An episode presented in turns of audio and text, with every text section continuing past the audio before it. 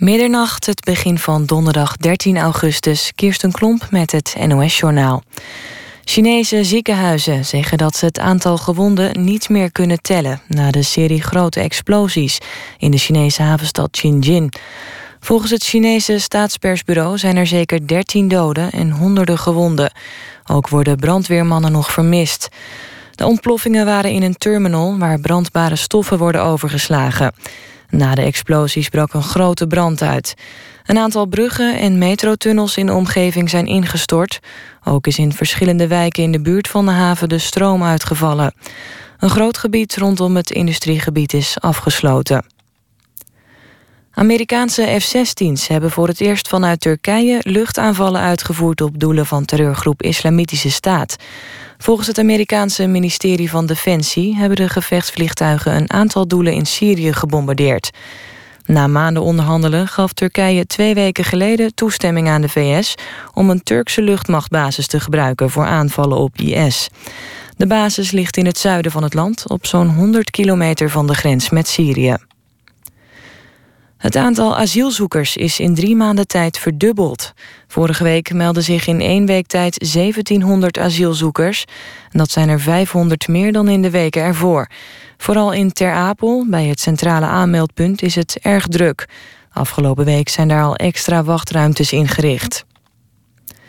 De Amerikaanse oud-president Jimmy Carter is ernstig ziek. In een verklaring laat hij weten dat er bij hem kanker is ontdekt. Hij zal binnenkort worden behandeld voor de ziekte. Jimmy Carter is 90 jaar en hij was van 1977 tot 1981 president van Amerika.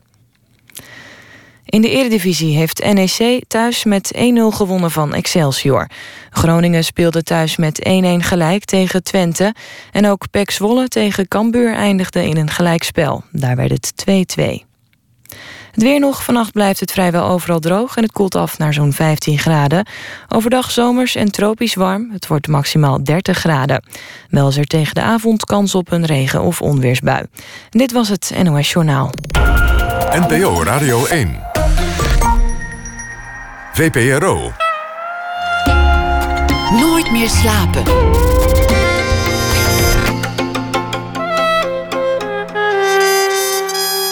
Met Pieter van der Wielen. Goedenacht en welkom bij Nooit meer slapen. Doping in de wereld van de computerspelletjes. Want ook daar zijn professionele wedstrijden. Valt iets te winnen en ook daar wordt de strijd niet altijd helemaal naturel beslecht. Aan de vooravond van een grote tentoonstelling over Matisse in het Stedelijk Museum van Amsterdam gaan we op zoek naar de mysterieuze Nederlandse leerlingen van Matisse. Dat na ene en dan ook een verhaal van tekstschrijver Don Duins. Hij schrijft voor theater en film en nu voor ons elke nacht een verhaal bij de voorbije dag. Maar we beginnen met Jeroen Everaert. Deze week ontvang ik mensen die normaal gesproken achter de schermen opereren. De platenbaas, de filmproducent en in het geval van Everaert de kunstmakelaar. Tien jaar geleden richtte hij een bedrijf op, Mothership, en daarmee bemiddelt hij in kunst in de openbare ruimte. Veel projecten bleken opzienbarend langs de route van de Tour de France. Bij de eerste Koningsdag Nieuwe Stel een drijvende reuzenbever, maar ook een lichtinstallatie die liet zien waar de vuurzee toesloeg in mei 1940 in Rotterdam. Het plafond van de Rotterdamse Markthal, de Hoorn des Overvloed van Arno Koenen. En een nieuw project dat volgend jaar zal beginnen op het Dambrak in Amsterdam. Allemaal projecten waarin Everaard een cruciale rol wist te spelen. Een man met een missie, want de openbare ruimte wil hij voorzien van kunst. En de Nederlandse cultuursector zou hij het liefst willen veranderen. En eigenlijk wil hij de Joop van de Ende van de Nederlandse beeldende kunst zijn. Geboren in 1965 in Dordrecht. Sinds jaren dag een Rotterdammer. En hij begon ooit als vertegenwoordiger, werd toen kunstenaar en inmiddels al een tijdje dus ondernemer in de kunsten. Welkom Jeroen Everaert. En ooit als, als jongeman was je Jehovah-getuige. Ja, dat, Dat, eh, dat spreekt tot de verbeelding, dat begrijp je. Ja eh, eh, het was een. eh, ja, ik ben echt als jongetje opgegroeid als uh, jongen van Jovens getuigen. Mijn ouders waren overtuigd in het geloof gestapt. Uh, vanuit een katholiek achtergrond en vanuit een socialistische achtergrond. Waren ze, ja, hadden ze het licht gezien en ze zagen dat uh, het geloof van Jovens getuigen de, het ware geloof was voor hen. Letterlijk het licht gezien, als een, als een openbaring ja. kwam het tot ze. Nou, nee hoor, dat was wel echt een zoektocht voor, vooral voor mijn vader.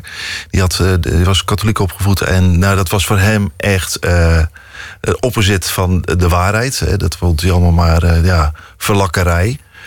En hij was echt op zoek gegaan, wel, wat is het geloof wat, wat, wat echt uh, de waarheid spreekt. En het was, voor hem was dat de, de, de, de mensen die langs de deuren gingen met, om, nou ja, met de wachttoren ontwaakt. En die gaven hem een, een antwoord waarin hij alle rust kon vinden. Het was een onrustige man. En nou, dat gaf hem enorm veel steun. Ja, en hij werd ook inderdaad voorganger of ouderling. En ik was als jongetje oudste van, van drie, uh, ja, ben ik dan een beetje het voorbeeld geweest voor het gezin. Maar ja, als ouderling hè, ben je ook een voorbeeld voor de gemeenschap. En dus ja, zo was ik eigenlijk als een brave jongen. Uh, groeide ik op als een, uh, nou, als, als, een, als een Jehovens getuige. Maar heb je ook zelf het woord verkondigd? Ben je ook langs deuren gegaan ja, of heb ja. je met, met, met pamfletten staan zwaaien? Ja, dat heb ik haast wel fulltime gedaan. Uh, meer dan vier jaar. En uh, pionieren noemen we dat. Uh, en dat noemen ze nog steeds zo. En uh, de, de, de, helft van je tijd besteed je aan werken. De andere helft echt langs de deuren gaan. En om te vertellen dat wat in de Bijbel staat waar is. En dat mensen toch ook het geloof moeten omarmen. Ik hoor aan je dat je dat niet meer denkt, maar dat je dat toen wel dacht. Ja, het met volle overtuiging. Dat was ook gewoon. De, maar je wist niet beter, want daar was je in een groot gebracht. Dat was mijn wereld, ja. En, uh, en ja, op een gegeven moment eh, kom je toch op een bepaalde leeftijd en de omstandigheden dat, uh, dat je erachter komt dat dat geloof van mijn vader uh, niet mijn geloof meer was. En ben ik eruit gegaan. Weet je nog hoe dat ging? Was dat, was dat wel een openbaring of was dat een geleidelijke ja, twijfel was... die nou, ik was, uh, ik was uh, verliefd geworden op het mooiste meisje van uh, de, de, gemeenschap van Joost Getuigen. En daar was ik heel erg verliefd op. Ik ben mee getrouwd. Maar dat huwelijk liep eigenlijk helemaal niet goed. En uh, dat, nou ja, dat was echt een struggle. En, en ze had een, een nou ja, moeite met, uh, met, de, met de psyche. Uh, manisch depressief. En we van alles aan gedaan om daar uit te komen. Uh, maar dat lukte maar niet. En toen heb ik eieren voor mijn geld gekozen. Van nou ja, dit, dit, lukt mij niet om uh, samen te blijven. En uh, toen ben ik gaan scheiden. Nou, in de gemeenschap van Joost Tuigen is scheiden eigenlijk niet goed. Dus je scheidt wegens overspel of je gaat scheiden wegens de dood. Maar liever niet. Maar nee, er werd, er werd echt uh, grondig uh, ja, op het hart gedrukt dat je dat niet moest doen. Nou, dat heb ik toch gedaan, maar ja, ik, ik kon het niet meer volhouden. En, uh, ja, en dat was voor mij ook het moment dat ik wel van ja, um, is dit nog wel het geloof wat, waar ik gelukkig van word? Je hebt eigenlijk een heel leven achter je gelaten en, en een heel nieuw leven ergens vandaan getoverd. Ja, dat was. Uh, ik, ik, heb toen ook heel bewust de keuze gemaakt. Ik ben in Dordrecht opgegroeid. Uh, uit Dordrecht weg te gaan en een hele andere stad te gaan, Rotterdam. En uh, daar heb ik eigenlijk een heel nieuw leven opgebouwd. Maar het was wel een leven wat voor mij. Het, is, ja, mensen kunnen het misschien niet beseffen. Maar als je opgegroeid bent als Jehovah's getuige. en dit is de waarheid. en wat je doet. Uh, brengt jou naar het eeuwige leven. Hè, of naar het paradijs of naar de hemel.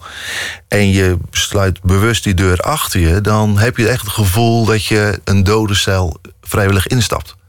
En wanneer je kiest ervoor om niet meer te kiezen voor het eeuwige leven of het paradijs. Je hebt een eindig leven ineens. Ja, en een eindig leven is uh, heel erg uh, benauwend, maar ook heel erg bevrijdend. En want op een gegeven moment weet je van oké, okay, dit leven wat ik nu ga leiden, moet ik 100% eruit halen wat erin zit.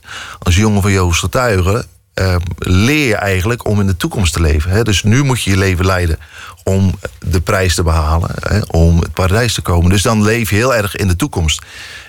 En met dat besef dat je dat niet meer hebt, ga je heel erg in het nu leven. Hè? Dus nu is de dag. En pluk de dag. En dat was wel uh, heel fijn om dat weer te ervaren. Wat heeft, het je, wat heeft het je geleerd, die, die periode um, dat je Jehovah was en een woord verkondigde en langs deuren ging met een, uh, met, met een blad en mensen probeerden ja, om te praten? wat, wat, wat, heeft het jou uh, opgeleverd? Wat nou, heb je er nu nog aan? Um, ja, het was natuurlijk wel een periode van daarna zoeken wat ga ik met mijn leven doen. En nou ja, dat na een lange omweg kwam ik natuurlijk in de kunst terecht, omdat ik dat eigenlijk altijd al wil als jongetje. Uh, maar wat ik eruit over heb gehouden, is dat uh, wat ik doe nu in de kunst ook uh, een missie moet hebben. Het moet niet zomaar voor geld gaan. Dat, is, ja, dat zit er niet in mijn systeem. Dus wat ik dus doe. alle is zingeving die is weggevallen uit je leven, die, die moet toch ergens terugkomen? Of? Ja. Dus echt een zingeving krijgen. En een zingeving om uh, nullen op je bankrekeningen, dat was voor mij niet interessant. Dus ik heb echt een, een missie gezocht waar ik uh, zingeving uh, voor kreeg. Hè. Dus inderdaad, mijn reden om op deze aardbol te zijn, is nou ja, wat ik nu verzonnen heb als kunstproducent. En dat geeft mij echt enorme voldoening. Dat klinkt, dat klinkt bloedfanatiek. Ja. klinkt echt ontzettend. Ik bedoel, het is ook gewoon een baan. En exact, je zult, je zult ja. het leuk vinden, maar een, een reden voor het aardse bestaan. Nou, dat is, de J. Maar je vraagt het ook natuurlijk uh, in het kader van wat heb je eraan overgehouden? Hè? Dus uit, uit, uit het verleden als Jovens getuige. En dat heb ik eruit overgehouden. Dus wat je doet, moet je dan ook 100% doen. En dan ook met een reden. En die reden, dat is inderdaad uh, wat ik nu een beetje, een beetje groots maak. Maar dat is wel uh, hoe ik het voel. En dat, ik, ja, dit is wat ik, wie ik ben, wat ik kan. En uh, waar ik heel erg gelukkig van word. En je, je hoort natuurlijk, zowel wanneer je kunst probeert te verkopen... als wanneer je Jehovah bent, heel vaak nee. Nou, of valt dat wel mee? Nou, als je leert de wachttoren en ontwaak te verkopen, dan uh, is kunst uh, de twee vingers in de neus. Dat is heel erg makkelijk. Makkelijker. Ja, want je krijgt als, uh, als prediker langs de deur, dan krijg je heel vaak natuurlijk de deur dichtgesmeten en veel gehoon en gelach en gescheld. Dus dat is, dan is kunst is een appeltje eitje is nog wel te verkopen. Ja, het, klimaat is slecht. Je zou zeggen dat is, dat is nog moeilijker dan de wachttoren inmiddels in Nederland. Maar dat valt mee als ik jou zo hoor. Ja, nou ja, dat heeft dan ook weer te maken met het feit dat ik, als je een beetje missie denkt, missie gedreven, zoals als een pionier dat ook was, dan ga je naartoe waar, waar de behoefte is. En uh, dan ga je zoeken waar, waar, waar zouden de mensen, waar zou ik nog wat kunnen winnen. En waar kan ik nu uh, mijn, de kunst, mijn, mijn ideaal denken, waar zou ik dat nou kunnen wegzetten? Dus dat, dat heb, je ook, heb ik ook meegenomen uit mijn nou ja, religieuze verleden. Dat je heel doelbewust uh, aan de gang gaat. Je zei als jongetje wilde ik eigenlijk al iets met kunst. Dat, dat trok al. En als ik zo hoor over, over jouw vader, die, die, die geworsteld heeft en die uiteindelijk de zekerheid vond in, in zijn geloof dan lijkt me dat op het eerste gewoon niet een, milieu waar, waar heel veel naar musea werd uh, gegaan. Of, of waar dat thuis heel artistiek was. Nee, mijn vader was een, een, een enorm goed tekenaar. Hij kon waanzinnig mooi uh, portretten tekenen. Uh, hij heeft zeven jaar gevaren als zeeman. En in New York, dat was de stad waar hij heel graag naartoe ging, daar had hij een cursus gekocht. Hè. Nou, nu doe je alles online. Maar dat was een soort cursus, een reclametekencursus. En er waren enorm grote boeken. Uh, en gele en blauw. Ik kan ze nog heel goed herinneren. Haast een halve meter bij halve meter groot. En dat waren zijn opdrachten die hij moest doen. En die moest hij dan opsturen naar Amerika. En dat waren de boeken die ik... Nou, de, haast wel elke keer. Daar ging ik naar één kijken wat hij tekende. En dat inspireerde mij heel erg. Maar dat heeft hij laten, laten varen toen hij nou ja, uh, Joost Stuiger werd. Want ja, hij ging dus ook volop voor het geloof. En liet inderdaad zijn hobby en zijn, zijn droom varen om nou ja, goed te zijn uh, voor het geloof. Maar het was er dus wel. Het, er was wel degelijk kunst thuis. Nou, het was inderdaad uh, reclame tekenen, portret tekenen. En dat, dat inspireerde mij heel erg. En, en mijn moeder, die, die hield er wel erg van om naar het museum te gaan. En die nam me ook wel mee. En het, de eerste indruk van een museum was een Dordrechtsmuseum. En het schilderij wat mij nog, nog steeds voor ogen staat... is een schilderij, ik weet niet eens wie de schilder is... maar een heel oud schilderij. Ik denk uit, uit 1400. En, maar wat ik erop zag was een man met een brilletje. En hoe kan er een bril is toch van deze tijd? En, en, en, toen ben ik al die schilderijen veel nauwkeuriger gaan bekijken. En dat is misschien wel een van de triggers geweest om er meer in te gaan verdiepen. En hoe zat dat met dat brilletje? Nou, weet ik niet. Het was, het was, een of andere monnik met een brilletje. En uh, ja, dat schijnen ze toen ook wel te hebben gehad. Mensen met slechte ogen met echt geslepen glas. Maar dat was voor mij zo, hè? Dat, dat hebben ze er later opgetekend. Zo'n zo klein kinderlijk detail dat dan ineens toch je aanzet tot, tot kijken. Toen, toen was je gescheiden. En ehm, verstoten uit de kring waarin je geleefd had. Nee, ik ben er bewust uitgegaan. Oké. Ja, uitgedruppeld noem ik het altijd. Ge- eh, Er ging een beetje geleidelijk zo weg, heel- weggesnikt, Maar dat, dat heb ik ook echt bewust gedaan. weggeslopen. Ja. Toen ben je, ben je nog de handel ingegaan. Nog steeds durfde je niet die stap te maken die je als jongetje wilde. Om, om dan maar echt voor de kunst te gaan. Nou, ik was natuurlijk al... eh, omdat ik naar de kunstacademie wilde... maar docent, je moet naar de kunstacademie, je bent getalenteerd.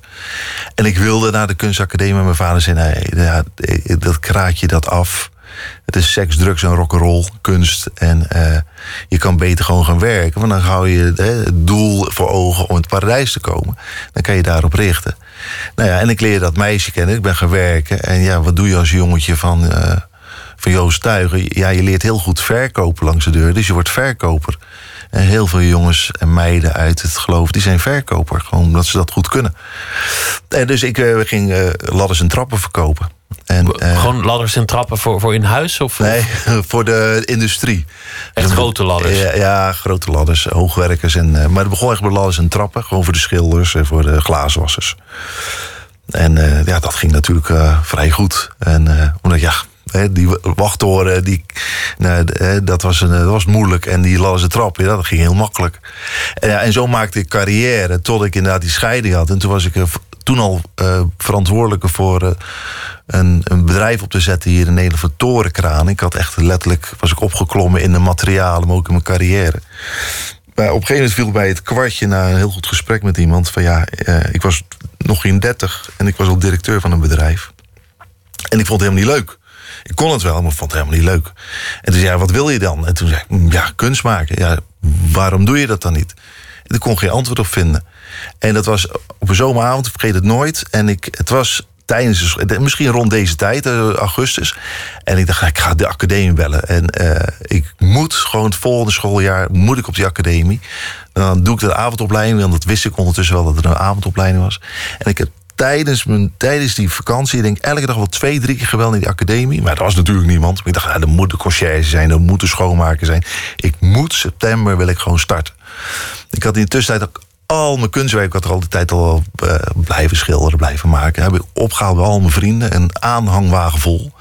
En ik was inderdaad naar de toelatingsexamencommissie gegaan met heel die aanhangen vol. Ze er echt, op zijn Rotterdams gezegd, een lul uit hun broek. Want hadden ze nooit gezien dat ze zoveel werken in dat lokaal waren neergezet. Ik zei, jongens, ja, ja, ik wil gewoon even laten zien, echt wil. En toen zei hij, ja, tuurlijk, je bent aangenomen. Het was heel, heel snel was dat gebeurd. En toen heb ik dat in vier jaar tijd heb ik die ac- academie afgerond. Overdag je, je directeur. gaf een. eh, ja, je, je gaf toch een soort, soort zekerheid op eigenlijk. Hè? ja, Want, ja. want vanaf dat moment was dat jouw, jouw missie. Je hebt er eerst bij gewerkt, maar je wist, ik wil die kunsten in. Maar je wist natuurlijk helemaal niet of, of, je, het, of je het zou redden. Nee, maar ja, aan de andere kant, eh, we wo- wonen eigenlijk het rijkste stukje wereld. Hè. We zijn hier zo. Je doodgaan van de honger doe je niet. Ik had geen vrouw meer, hè, dus ik had, eh, ik had alleen voor mezelf te zorgen. En ik dacht, nou ja, het is dus nu of nooit. Eh, dus ik had eh, mijn diploma gehaald en ik had mijn ontslag ingediend en ben toen kunstenaar geworden. Ja, en dat was natuurlijk wel een onzekere periode. Waren het niet dat net de, de WIC in het leven was geroepen, zo'n kunstenaarsondersteuning. En iedereen die van de academie afkwam, die kreeg gelijk die, die WIC. Dus ik dacht, dat is handig. Dus ik kreeg gelijk 450 euro. En ik had dus van hè, een goed salaris ging naar 450 euro per maand. Ik dacht, nou, de rest rommel ik wel bij. Dat is eh, als kunstenaar. Je was redelijk succesvol. Je hebt, je hebt het een, een aantal jaar fulltime gedaan. Heel veel eh, tentoonstellingen. Aantal grote projecten.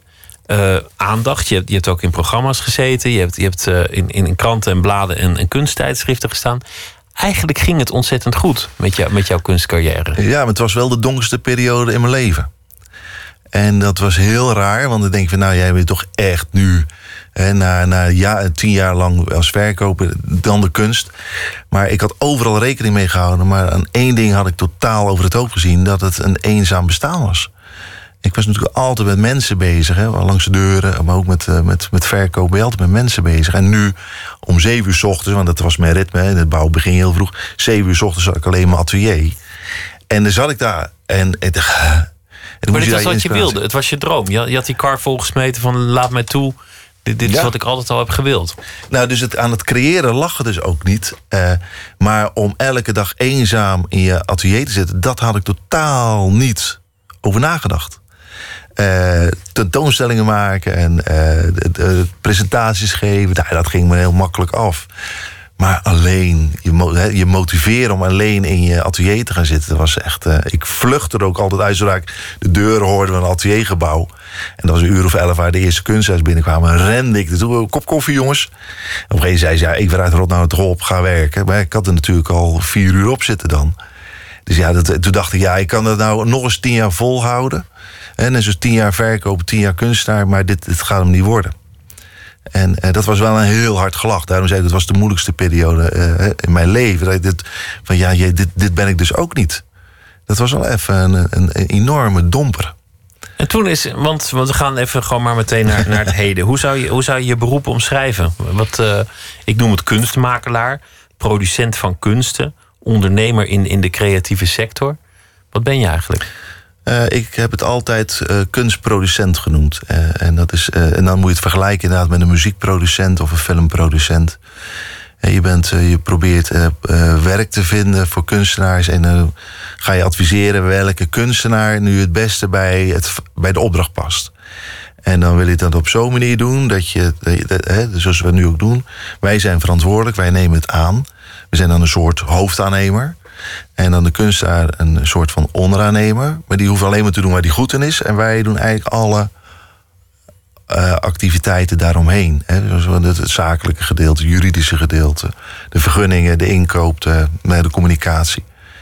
En eh, dat is precies nou ja, wat wij als kunstproducent eh, doen. Een beetje te vergelijken dus inderdaad met andere producenten. Maar wel met een roeping, want je zei: Dit is mijn, mijn levensdoel. En, en toen zei je iets over, over kunst bevorderen, kunst naar de mensen brengen. Ja, eh, dat heeft natuurlijk weer met dat verleden waar we het net over hebben gehad. Eh, ja, ik zie dat er een enorme. eh, ja, dat enorm veel mensen niks van kunst weten. En, en ik, dacht, ja, ik moet. Hè, ik wil die mensen laten weten, net zoals toen de wachttoren ontwaar. Ook hè, dat kunst ook wel, wel degelijk een onderdeel is van je eh, identiteit als Nederlander. Het hoort erbij, net zoals muziek en sport ook bij, bij je leven hoort. Hoort kunst ook, maar dus, ik zag heel weinig mensen daarvan genieten. Ik zag die worsteling van musea om mensen naar binnen te krijgen en dat niet lukken. En ja, dan heb je weer dat, die oude gedachte van de Bijbel. Als Mozes dan niet naar de berg komt, laten we dan de berg naar Mozes brengen. En laten we dan de kunst aan de mensen brengen.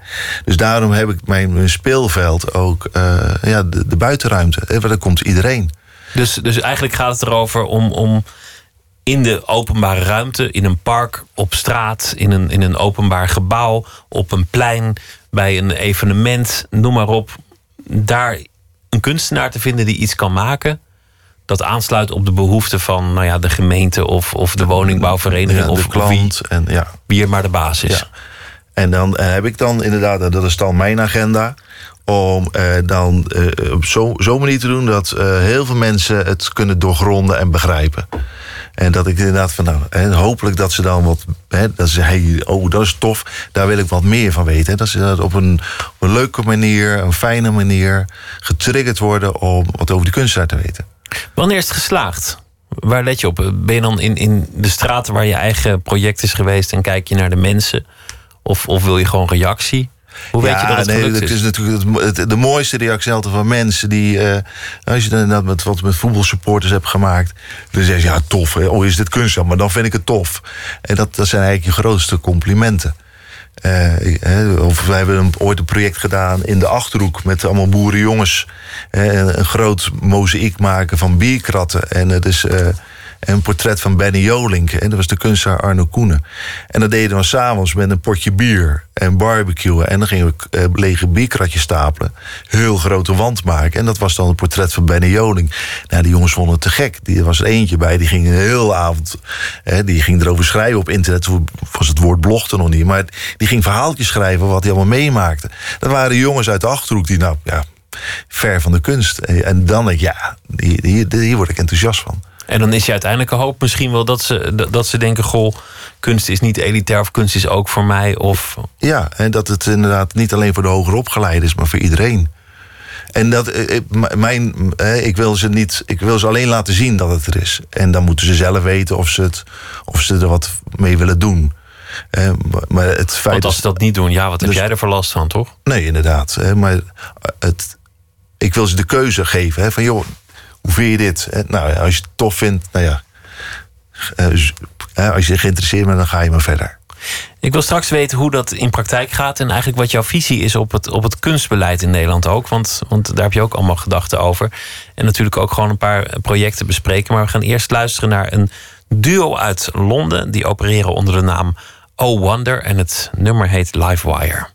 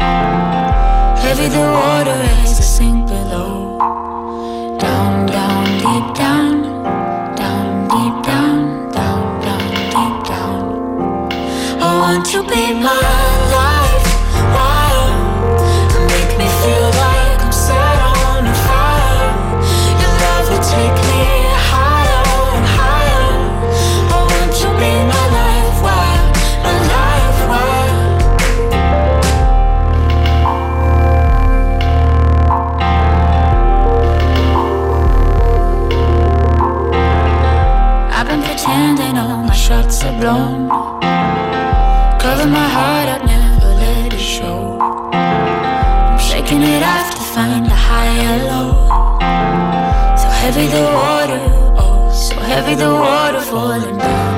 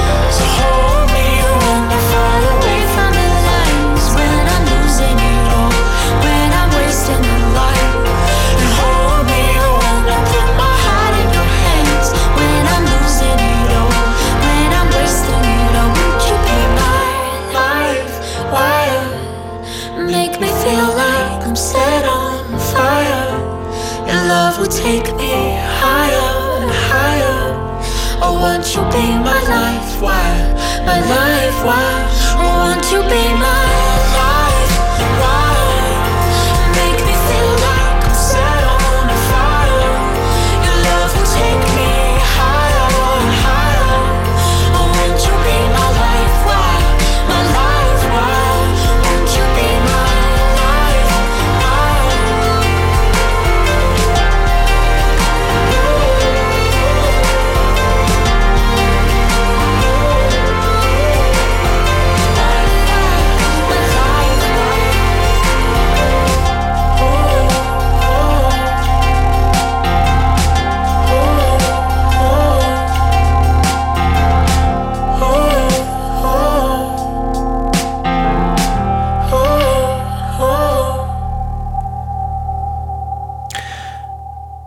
Volgende week verschijnt het eh, eerste album van Oh Wonder. En dit nummer heette Live Wire.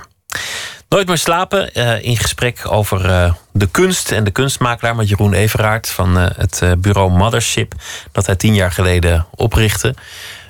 Laten we maar meteen beginnen met een project dat bekend is geworden. Dat is namelijk het dak van de, de Rotterdamse Markthal. De Hoorn des Overvloeds. Twee kunstenaars die dat gemaakt hebben. Dat, ja, het, is heel erg van nu. En tegelijk voelt het ook een beetje renaissance-achtig in, in, in stijl. Ik geloof zelfs de grootste fresco ter wereld. Jullie hebben daarin in bemiddeld. Hoe moet ik me dat voorstellen, dat bemiddelen? Waar begint het?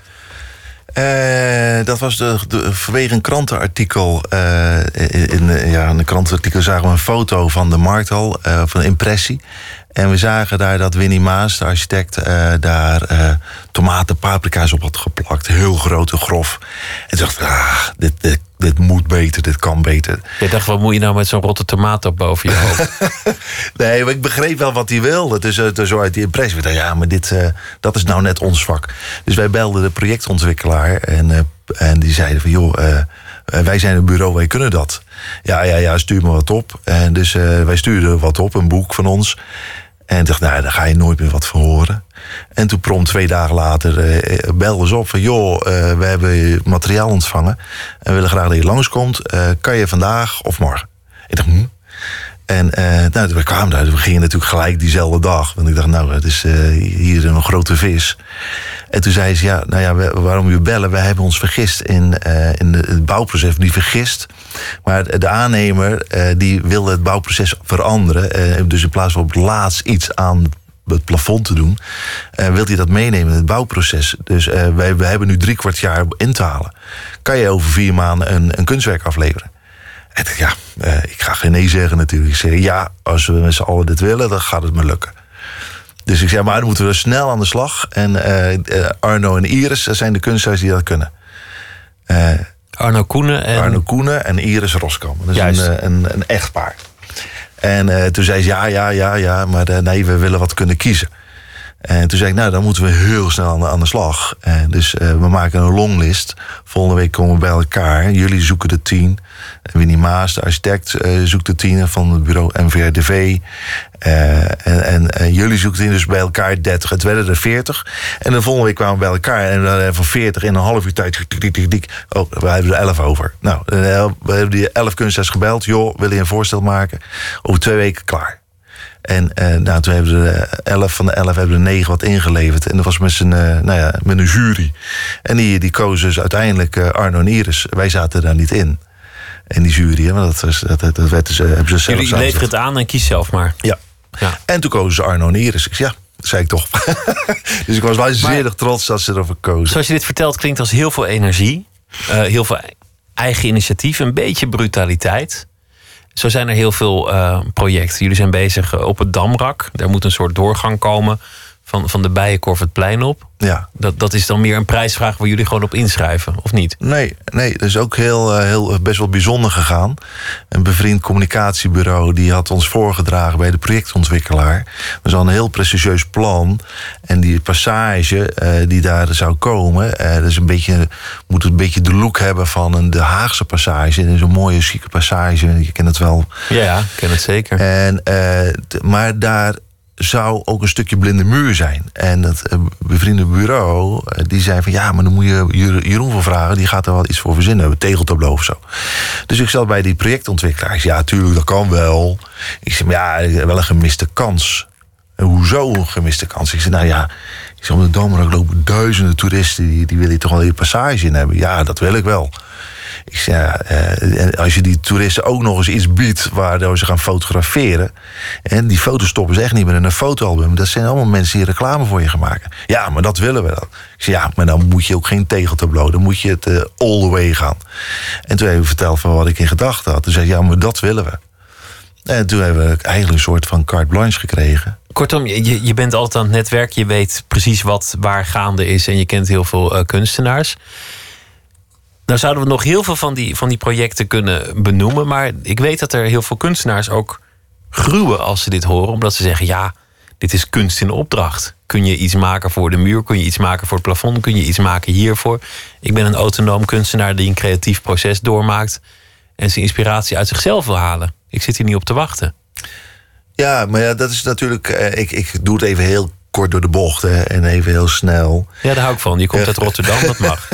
maar wat, wat, wat je eigenlijk doet, is samen met de klant ga je een kader creëren waarin de kunstenaar vrij kan opereren. En dan zoek ik dan wel een kunstenaar die dus echt midden in dat kader past. Als ik een kunstenaar zoekt die aan het randje gaat zitten van, van de opdracht, dus in dat kader, in dat raamwerk, ja, dan weet je ook dat er op een gegeven moment iets gaat komen wat wel eens een conflict kan opleveren. Dus ik, daarom zoek ik juist, als ik de opdracht goed heb, hè, dus alle kaart op tafel, zeg ik ook tegen de, tegen de opdrachtgever, alles weten, wat is je reden? En dan ga ik dus oké, dit is dus je, je achterliggend doel. Dan zoek ik de kunstenaar die zich daarin vrij kan opereren. Dus van die kunstenaar die wil inderdaad ook zich vrij voelen. Dat hij niet zegt, oké, eh, wilt u blauw, dan zet ik blauw op. Eh, ik, creëer maar wel het moet, ruimte. moet ook niet al te wild worden. Nou, eh, soms mag dat. En, eh, en, eh, en soms moet je inderdaad heel, eh, heel passend. Kijk, zware porno in, in de openbare ruimte, weet je wel, ja, dat is, ga je heel veel mensen schofferen, dan ga je het ook niet redden. Want, want die straat is ook van iedereen natuurlijk. Dat, is- dat is al het moeilijke. ja, Heel dus- veel leeftijden, heel veel culturele achtergronden. Nou, jij komt al vanuit je jeugd uit hele andere kringen dan, dan menige ander. Dus jij weet ook dat daar de normen misschien wat anders zijn als het gaat over porno, om maar eens wat te noemen. Maar al die, al die mensen moeten door die straat lopen. Je wil niet dat die straat ineens maar van één groep is. Nee, en eh, daarom probeer je dat ook inderdaad een beetje door een bril te kijken van, eh, van ja, eh, zouden, en ik, ik, haalde dat een beetje aan, een imaginaire ome Piet en tante Sjaan, echte vrienden van mijn ouders geweest. Hoe zouden die dit hebben gevonden? Dus ik heb wel een toets in mijn hoofd van, ja, dit is iets wat, wat nou ja, dit is te veel piepjan knor, dit gaan ze niet begrijpen. Eh, dus je probeert altijd wel eh, te, te toetsen in je hoofd van, gaat het werken? En ga ik hier mensen enthousiast mee krijgen? Maar kan de kunstenaar ook zijn autonome eieren kwijt? En want dat is natuurlijk wat je ook echt wil. Je wil niet dat Het moet wel echte kunst zijn. Het mag geen decoratie worden. Nee, en dat is natuurlijk altijd wel een zoektocht. Hè, dat je daar, daar niet naar doorschiet. En er zullen ook we hebben ook wel projecten gedaan. Denk ik, oeh, achteraf, ja. Maar ja, dat is ook een zoektocht. Eh, maar dat wil je niet. Je wil echt wel kunst eh, creëren. Het zijn ook geen brave dingen die jullie maken. Of die jullie bemiddelen, moet ik zeggen. Maar het is, het is niet hele brave kunst.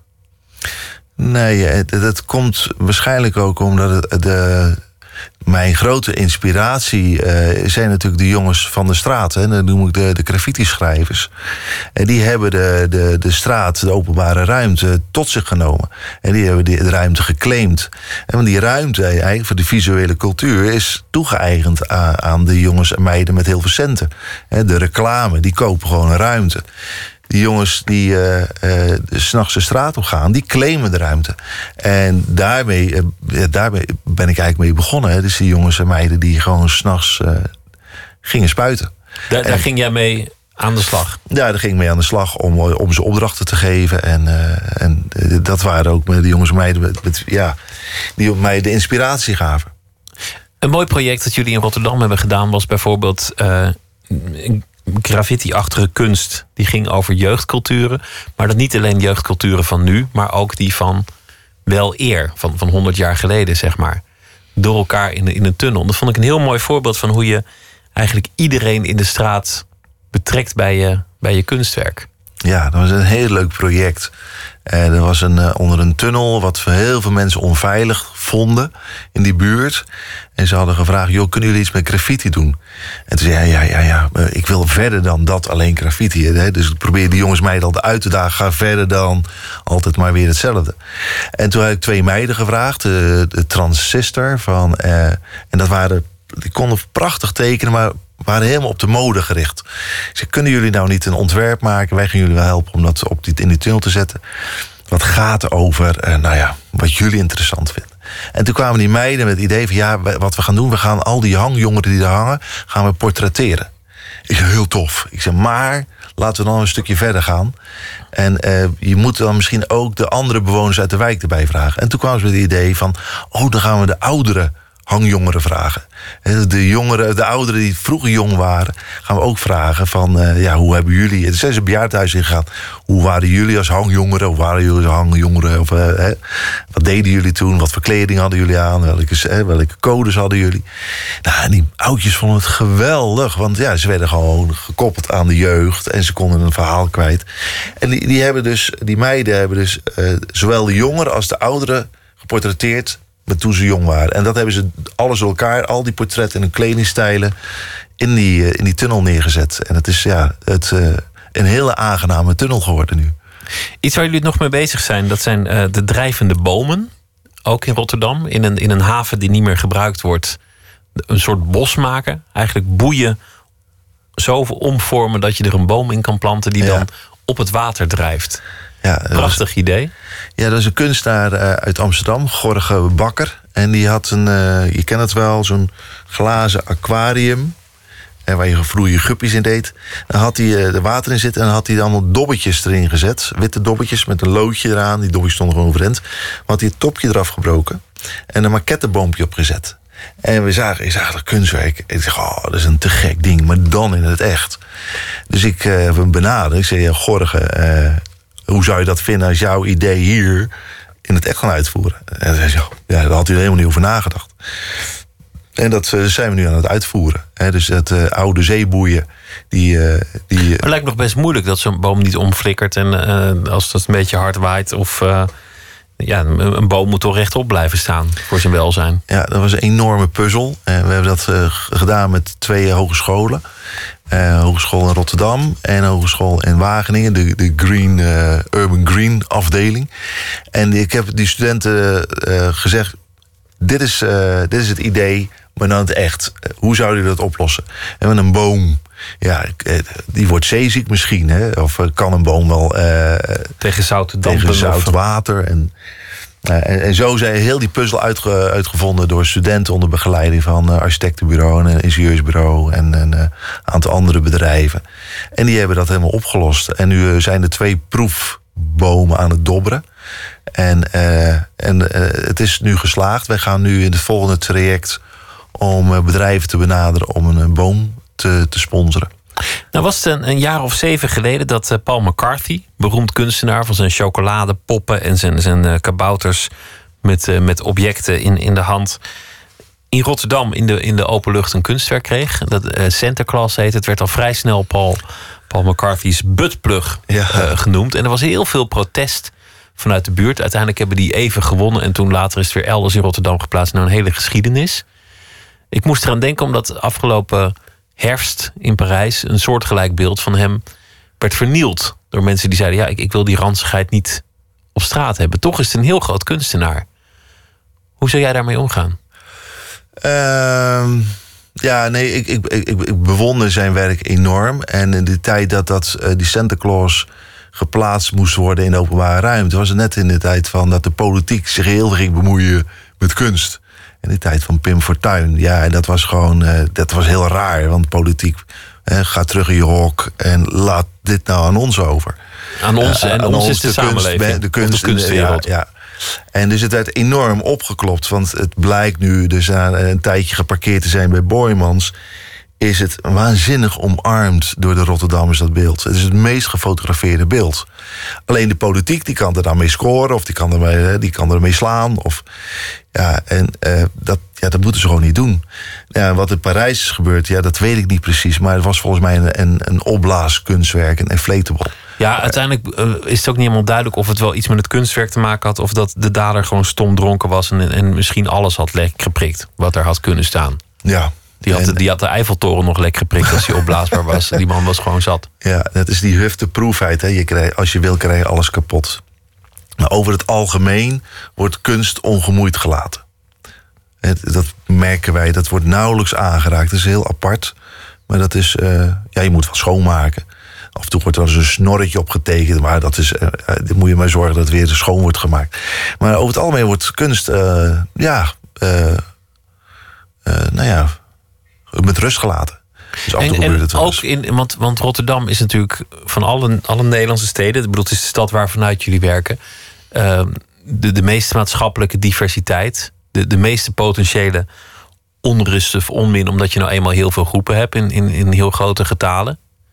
Maar, maar daar hebben jullie geen negatieve ervaringen mee, sterker nog, het, het verbindt.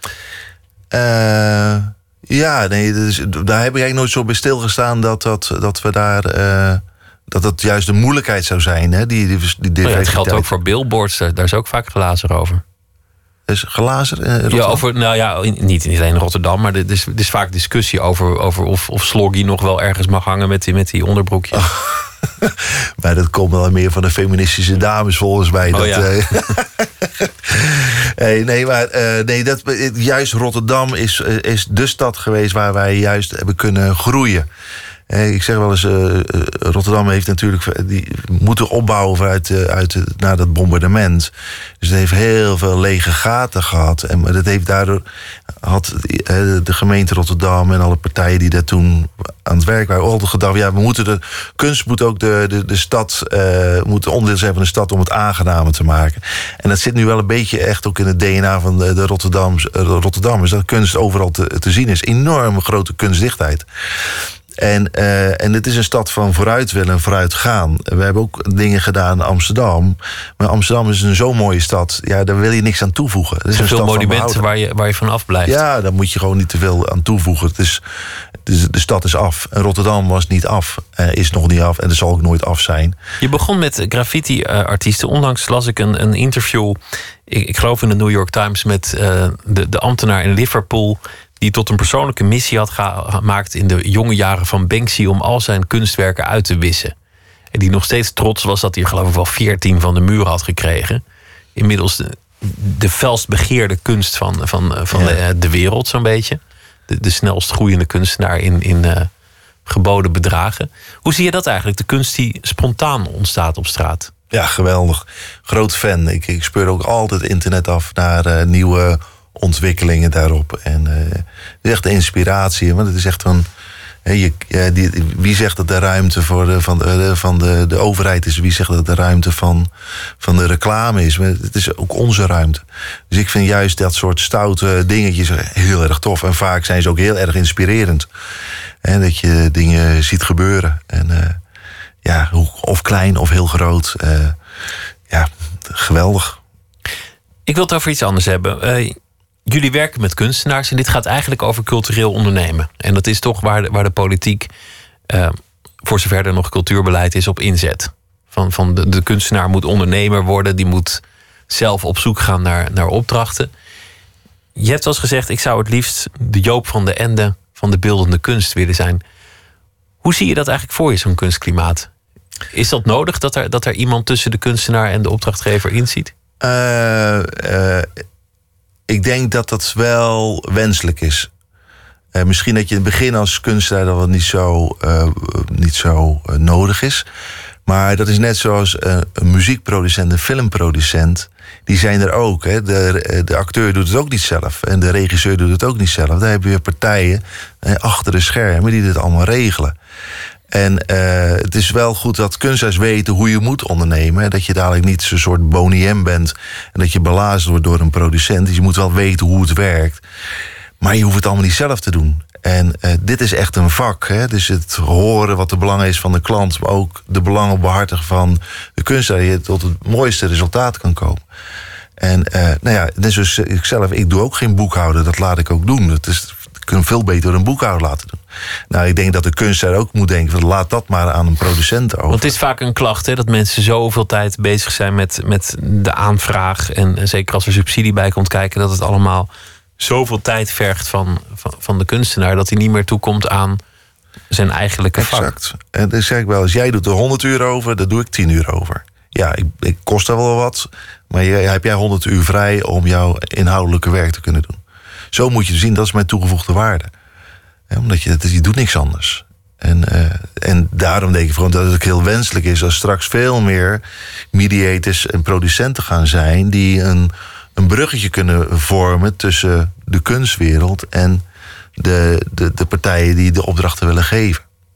Er is ook wel getwijfeld of er wel genoeg partijen zijn die opdrachten willen geven om, om dat beleid dat de regering voor ogen heeft te bewerkstelligen.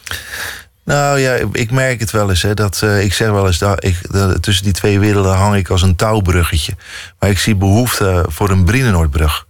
Eh, wij zetten uit de kunstwereld een stap naar de maatschappij, naar de opdrachtgevers. Maar zij zetten er echt twee naar ons. Zij willen echt wel. Eh, alleen ja, er, is nooit, daar, er zijn er nooit mensen actief in geweest. Want de, de, nou de kunstwereld die werd gewoon gevoed vanuit, een, nou ja, vanuit het Rijk, hè, door middels van een subsidie. Maar heeft daar eigenlijk weinig andere bronnen gezocht om daarin te bestaan. En natuurlijk, was ook niet nodig. Nee, dat was ook niet echt uh, nodig. Hè. Dat was een, uh, een eigen systeem. En, uh, en, en, ik ben helemaal niet tegen subsidie, helemaal niet. Alleen, je moet er niet alleen op leunen, als, hè, alleen wedden op dat ene paard. Als dat paard wegvalt, ja, er is er niks meer. Dus je moet, hè, er zijn verschillende wegen om je doel te bereiken. Je had het eerder over jouw oom en tante. Of, of jij noemde ze oom en tante, maar het waren kennissen van je ouders. Ja. Uh, hoe heet ze ook? Mies en Jacques, of wat was het? Oh, ome Piet en tante Sjaan. Ome Piet en, en tante Sjaan. Ja, ja. Het verwijt is vaak geweest dat, dat de Nederlandse cultuursector te veel in de Ivoren Toren is blijven zitten. Uh, ja, en die Ivoren Toren moet er ook gewoon zijn. En daarna zetten er gewoon een flatgebouw neer. Ik bedoel. Uh, laat, laat vele bloemen bloeien. Ja, en, uh, want die Ivoren Toren, mensen die daarin werken en doen, die bedienen ook een markt. Uh, alleen als dat het enige is, dan zeg je hallo, uh, wij zijn er ook en wij komen naast jullie staan.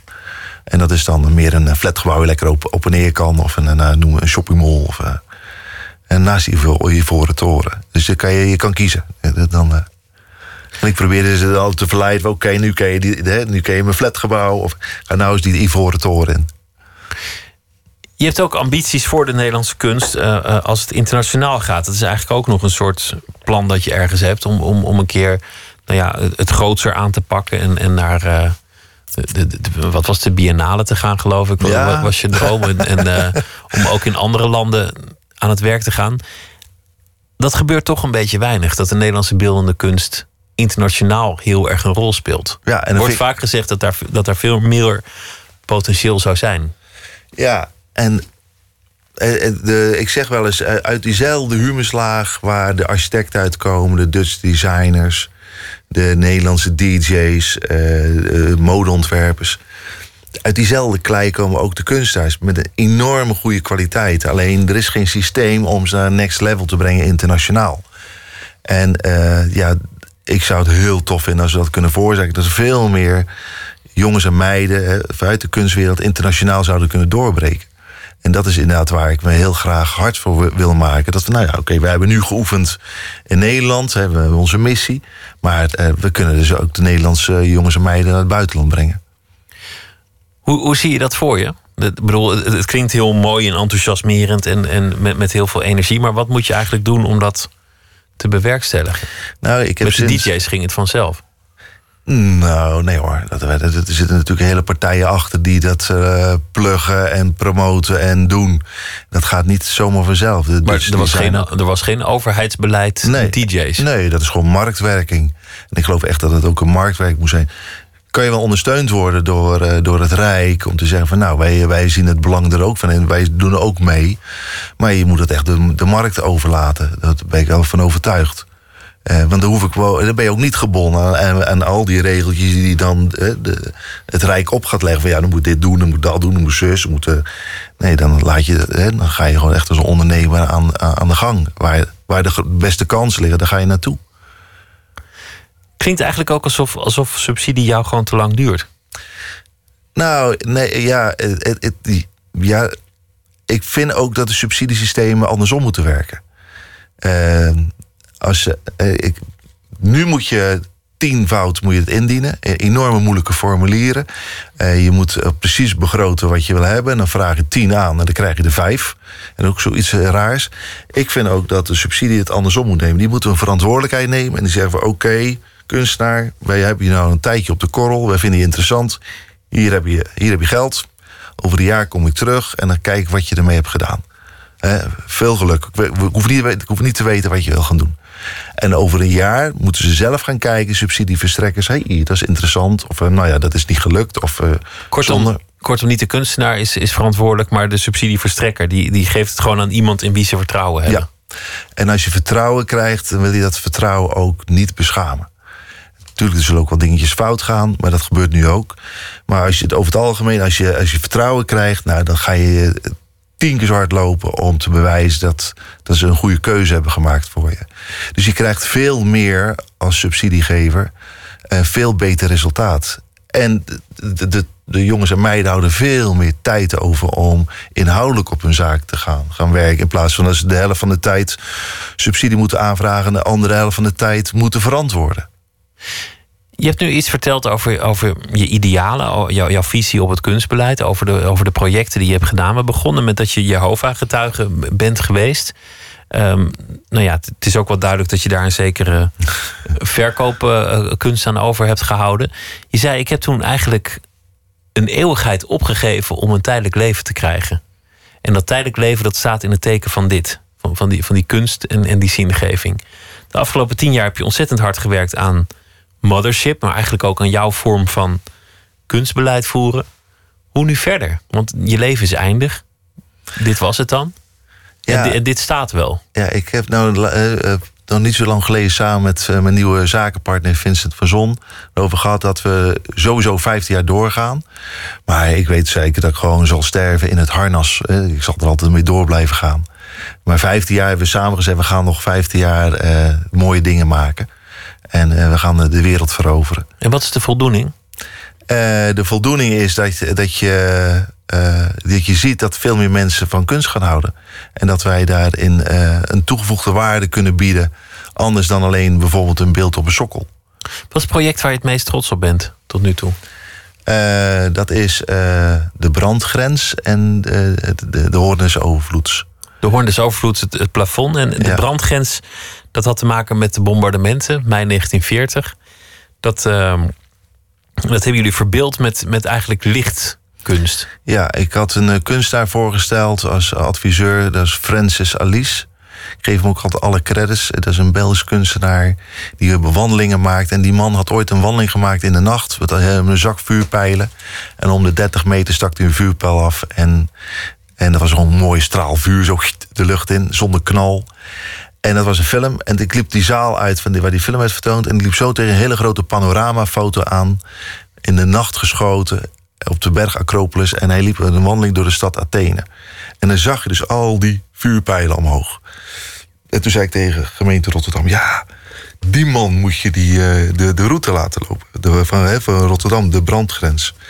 Ja, goed idee. Dus ik had die uh, galerie gebeld in New York. Van joh, uh, ik heb een opdracht voor hem. Hij zei, ja, ja de eerste twee jaar heeft hij geen tijd. Uh, want hij heeft zo druk. Ja, het moest dat jaar nog gebeuren. Dus ik ging naar de gemeente terug. Zei, nou ja, jongens, de opdracht terug. Het, het gaat niet lukken, hij, hij, kan niet. Ja, het, het is goed met je, Everard. Uh, we hebben al gecommuniceerd, je gaat doen. Je zoekt het maar uit. Dus toen hebben we in de geest van Francis Alice... hebben wij dus niet vuurpijlen, maar lichtbundels... Uh, op de brandgrens gezet. 12 kilometer lange grens. En er zijn lichtbundels die die je kent van die uh, van kom hier dansen in deze discotheken, die, die grote schijnwerpers. Die hebben stille kandelaren omhoog laten schijnen. En die gaven een projectie op de wolken. En dat gaf ook in één keer het, het uh, nou ja, weer hoe groot die vernietiging is geweest in, in, in, in Rotterdam. Want je ziet eigenlijk vanaf hier stond alles in de fik. En, en vanaf hier is het, is het enigszins gespaard gebleven. Ja. En dat, dat zag je in de lucht weer spiegeld. En, ja. en weer terug in, in de wolken. Ja, dat zag je terug op de dus in de, in de spiegel. Daar zag je dus inderdaad hoe die grillige vorm was, hè, de, waar de, de stad was platgegooid. En dan is dat moment daar, want je bedenkt het, je bemiddelt, je, je, je vraagt toestemming. Nou ja, dat, dat hele gedoe. Dit is heel erg aan een moment gebonden. Je weet ook niet precies hoe het eruit ziet. Dan is die avond daar, dan gaan die lampen aan. Zeven weet, weet, je nog, weet je nog waar? Ja, Zeven, ja dat was een verschrikkelijk moment. Want uh, ik had gezegd, jongens, jullie moeten laag gaan kijken voor, de, voor de opening. En, en maar hadden ze bedacht um, op de Nationale Nederlanden. En met de Nationale Nederlanders alle lampen aan uh, op de hoogste verdieping. En niemand zag wat. En ik zat daar en dacht, oh, dat gaat helemaal mis. Dat was echt helemaal verschrikkelijk. Dus ik ging mijn, dat was een heel duur project. Dus ik ging met lood in mijn schoen naar beneden. En ik ben gaan lopen met een aantal mensen. En toen zagen we pas hoe mooi het was, hoe indrukwekkend uh, maar dat zag je dus niet van hoog. Dus al die uh, bobo's, die, die waren, oh, wat is het nou, uh, geld weggooierij. En, maar iedereen was waanzinnig enthousiast, want die stonden allemaal te fotograferen. Omdat die, die wolken die hingen laag, dus, dus onder de wolken was het mooier. Ja, en je stond hoger en je, je keek, als je in een lichte ruimte naar, naar buiten kijkt, naar het donker, dan, dan, zie je haast, dan zie je haast niks. Je ziet jezelf in de, in de ruiten staan eh, van het. Uh, dus je moest er gewoon naar beneden of de lampen uit in, in, op die etage. Maar dat kon dus technisch niet.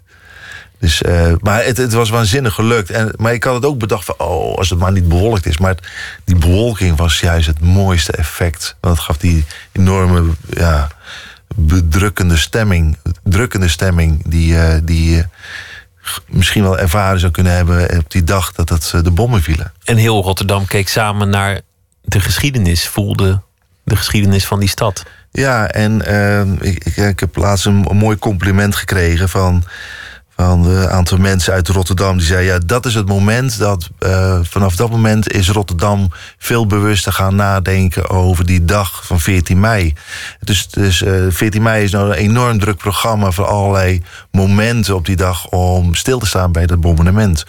En ja, uh, ze zei, dat is toch met, met name dat besef in één keer... bij, bij de Rotterdammers uh, nou ja, gevoeld werd van... Van de omvang van de, van de schade. Ja, al die tijd is natuurlijk keihard gewerkt aan de, aan de wederopbouw. Dit was een moment van reflectie. En nu denken ja, denk elk jaar toch weer 14 mei aan het bombardement. Dank dat je te gast wilde zijn. En heel veel succes met, uh, met alles wat je verder gaat doen, uh, Jeroen Everaard. En nou ja, tot tot de volgende keer. Zometeen gaan we verder met Nooit meer slapen. Twitter, het VPRO NMS of via de mail nooitmeerslapen.vpro.nl. Op Radio 1, het nieuws van alle kanten.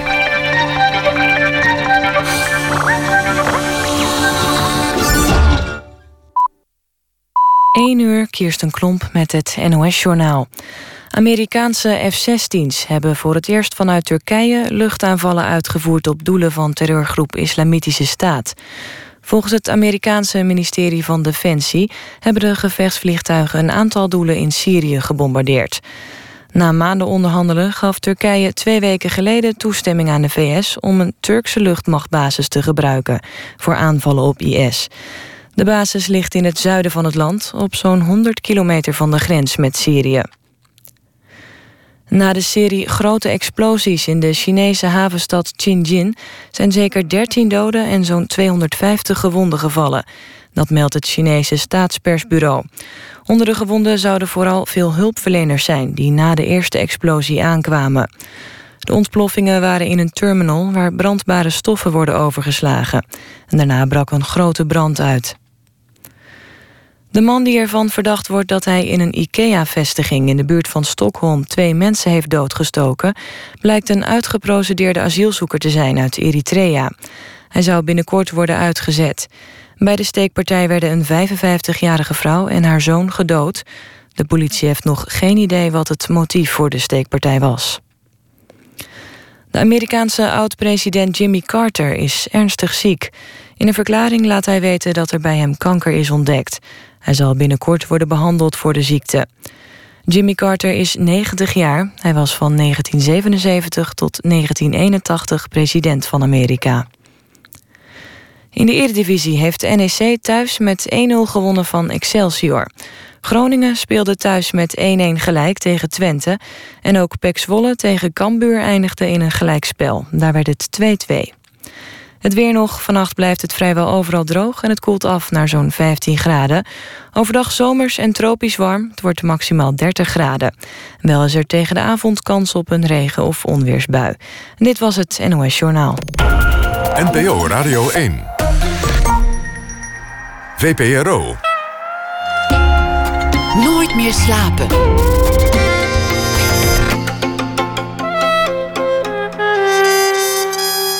Met Pieter van der Wielen. Aan de vooravond van de grote Matisse-tentoonstelling in Amsterdam... de vraag die uh, heel veel Nederlandse kenners van de schilders uh, heeft uh, bezig gehouden. Wie was de Nederlandse die in 1907 naar Parijs ging om les te nemen van Matisse? Allereerst Don Duins. Hij is schrijver voor theater en voor televisie en andere dingen. En hij schrijft deze week elke nacht een verhaal voor ons over de voorbije dag. Don, goeienacht. Goeienacht, Pieter moest nog aan je denken vanochtend. Dacht ik ga ook eens de New York Times lezen en daar een koffie bij drinken. kreeg nog net geen fristie over me heen, zoals jij gisteravond uh, vertelde. Maar het, hebt, het leek wel een kinderopvang, zeg. ik heb het bij één keer gehouden, eh, New York Times, maar ik ga het misschien nog wel weer eens doen. Ik heb vandaag de Trouw gekocht en de Telegraaf. En ik was weer op de Nederlandse tour. En, en gewoon thuis gebleven, waar, waar, eh, waar Slans Kroost je niet teistert bij het lezen van je krant? Nee, ik was de hele dag op het Rood Theater. Eh, aan praten over nieuwe stukken.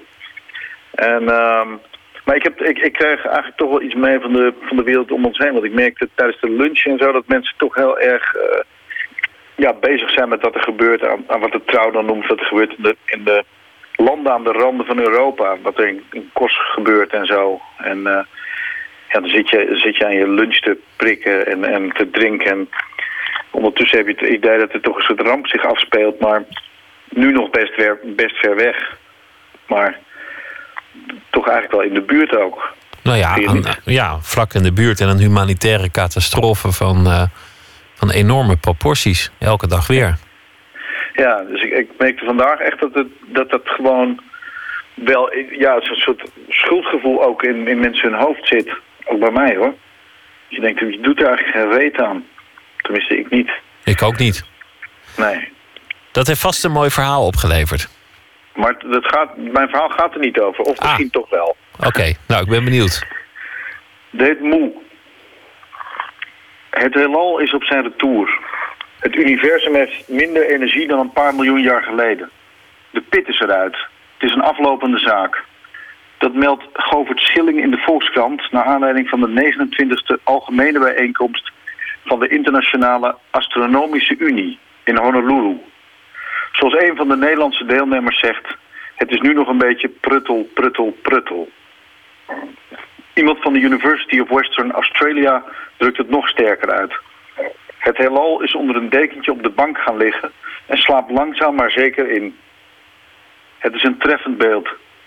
Ik zie het heelal zuchtend gaan liggen, nog eens flink gapen en een patchwork deken van sterren over zich heen trekken. Hoeven ons trouwens nog niet direct zorgen te maken. Het gaat nog duizenden miljarden jaren duren voor de laatste sterren doven. Vroeger kon ik doodsbang worden van dergelijke informatie. Over zaken die te immens zijn om met de menselijke geest te bevatten. Althans, met mijn geest. Als ik een boekje van Stephen Hawking probeerde te lezen, Het Heelal, werd ik al snel misselijk en voelde ik de wereld onder mijn voeten rondtollen. Sneller en sneller. Ruimteangst heet zoiets, geloof ik. Over die angst voor het onmetelijke ben ik redelijk heen gegroeid, al heb ik nog genoeg angsten overgehouden waarvan vliegangst me in het dagelijks leven het meest parten speelt. Maar zelfs door die angst wens ik me niet langer te laten dicteren. Ik stap tegenwoordig met een kalmeringspilletje vrolijk het toestel in... waarbij ik wel altijd de wand naast de deur even beroer. In een even futiel als voor mij belangrijk ritueel. Vandaag kocht ik bij de ACO op het CS een uitgave van de eerste tekst van Michel Houellebecq. H.P. Lovecraft, Tegen de wereld, tegen het leven over leven en werken van de beroemde horrorschrijver Lovecraft, 1890-1937. Schepper van een universum dat even onontkoombaar als angstaanjagend is. De beginzin van Houellebecq is, in de vertaling van Martin de Haan... Het leven is pijnlijk en teleurstellend. Kijk, dan weten we meteen waar we het over hebben. Net als Houellebecq zelf heeft H.P. Lovecraft een zeer negatief mensbeeld... Volwassenheid is de hel. Houellebecq omschrijft de verhalen treffend als stuk voor stuk gapende, gillende brokken angst. En dan zegt Houellebecq, alsof hij heeft deelgenomen aan het congres in Honolulu van de sterrenkundigen. De kosmos is niets anders dan een vluchtige rangschikking van elementaire deeltjes. Een overgangsfiguur op weg naar de chaos. De menselijke soort zal verdwijnen. Andere soorten zullen verschijnen en op hun beurt verdwijnen. De hemelen zullen ijskoud en leeg zijn, zwakjes verlicht door halfdode sterren, die zelf ook zullen verdwijnen. Alles zal verdwijnen. Al dus Houellebecq, geïnspireerd door het werk van Lovecraft. Dan prefereer ik toch het gezellige, chocolademelkachtige beeld van het heelal dat in zijn pyjama, de haartjes nat gekamd, lekker onder de dekens gaat liggen. Met rozige wangetjes van de lange dag en dat na een slokje water de ogen sluit. Maar misschien moet ik onder ogen zien dat ik, in tegenstelling tot Houellebecq en Lovecraft, een romanticus ben. Iemand die naar troost verlangt. En niet zit te wachten op beelden van doodse brokken ruimteafval en de totale zinloosheid van alles. Hoe graag ik ook onverschrokken zou willen zijn in het aangezicht van het oneindige. Mensen, wel trusten. Dankjewel, eh, Don. Het is toch, toch een mooie gedachte, hè? Dat, dat dat heelal, dat is dan een oerknal. Best een spectaculair begin. En dan Ja. gaat het gewoon als een soort nachtkaars heel langzaam uit. En op het laatste kraait er geen haan meer naar. Dan is het gewoon, ja, is het gewoon in, in slaap gedonderd. Ja, toch, toch die, eh, was, ging het eigenlijk allemaal nergens over, dat hele heelal.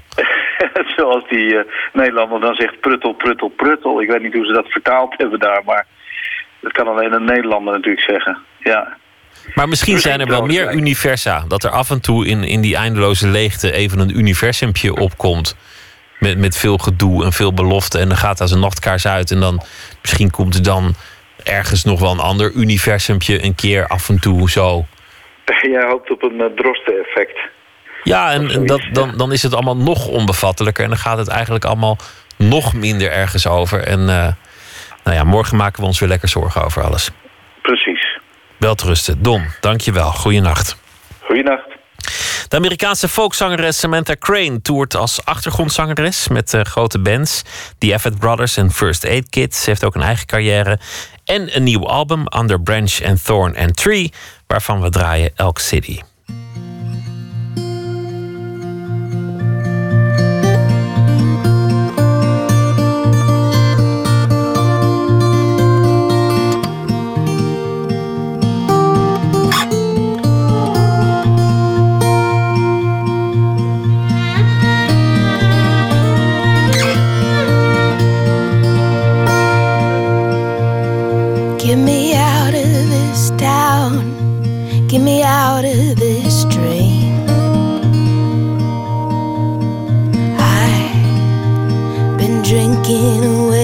My money. See, I was 17 when I came to this place. In a boyfriend's coal wagon on the 40 interstate.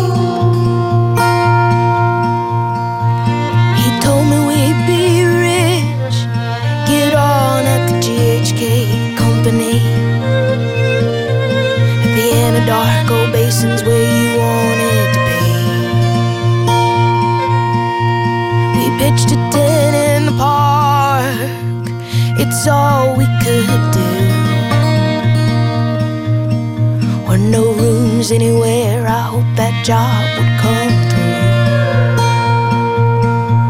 He said just one more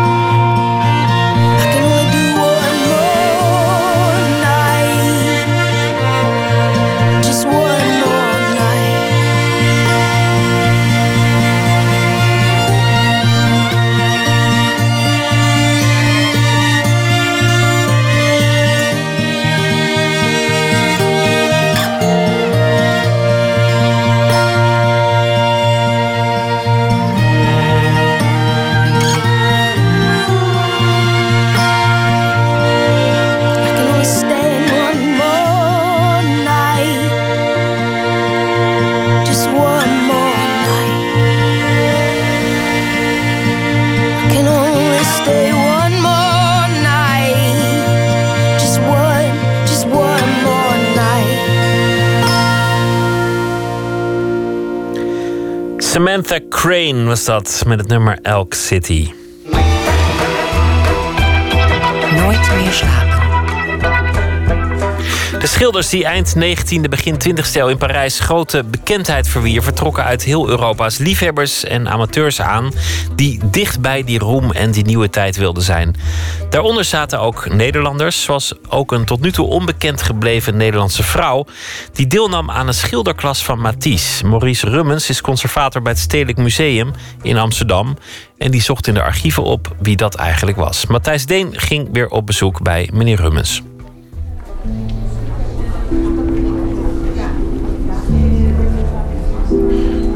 Het is 12 augustus. Vier dagen voor de grote Matisse-tentoonstelling in het stedelijk ten einde loopt. Nog steeds staan er rijen van liefhebbers en toeristen om de werken van Matisse te zien in de context van tijdgenoten, vrienden en rivalen. Conservator Maurice Rummens, die de tentoonstelling samenstelde, loopt door de zalen. Eh, spoedig op de voet gevolgd door Picasso, die eh, wedijverde met hem. En, Straks gaan veel van de werken weer weg. Hij vindt dat jammer. Hij heeft zich maandenlang in leven en werk van Matisse ondergedompeld. En dus ook in die begintijd, de eerste tien jaar van de 20e eeuw in Europa. De tijd waarin alles mogelijk leek. En het verlangen naar techniek, snelheid en vooruitgang het leven beheerste ook van kunstenaars als Matisse. Matisse was zeer gefascineerd door techniek. De eerste vliegtuigen, daar werd hij lyrisch van. Auto's ook. Hij was heel snel erbij om zelf een auto te kopen. Ook sport eh, was door intellectuelen zeer geliefd, had een hoge status. Het volslagen, ongebreidelde, bijna vlammende werk van Matisse dat daaruit voortkwam, trok mensen uit heel Europa naar Parijs om erbij te zijn, om van de meesten te leren, om net zo te schilderen. En onder die kring rond Matisse was een Nederlandse. Ja, dat is waar. In 1951 heeft de Amerikaan Max Weber een eh, lezing gehouden in het Museum of Modern Art. En daar vermeldt hij dat er eh, muziekavonden waren. En er was ook, vertelt hij, een eh, jonge Nederlandse, een mademoiselle De Wacht. En die speelde piano. En ook al werd de tentoonstelling compleet en indrukwekkend, dat ene detail, wie was die Nederlandse? Dat bleef maar ongewis. Tot op het moment dat de tentoonstelling op haar einde liep, de doorbraak kwam. Maurice Rummens neemt me door een onopvallende deur in de muur mee naar de vertrekken achter de expositiemuren om mij en u deelgenoot te maken van zijn ontdekking.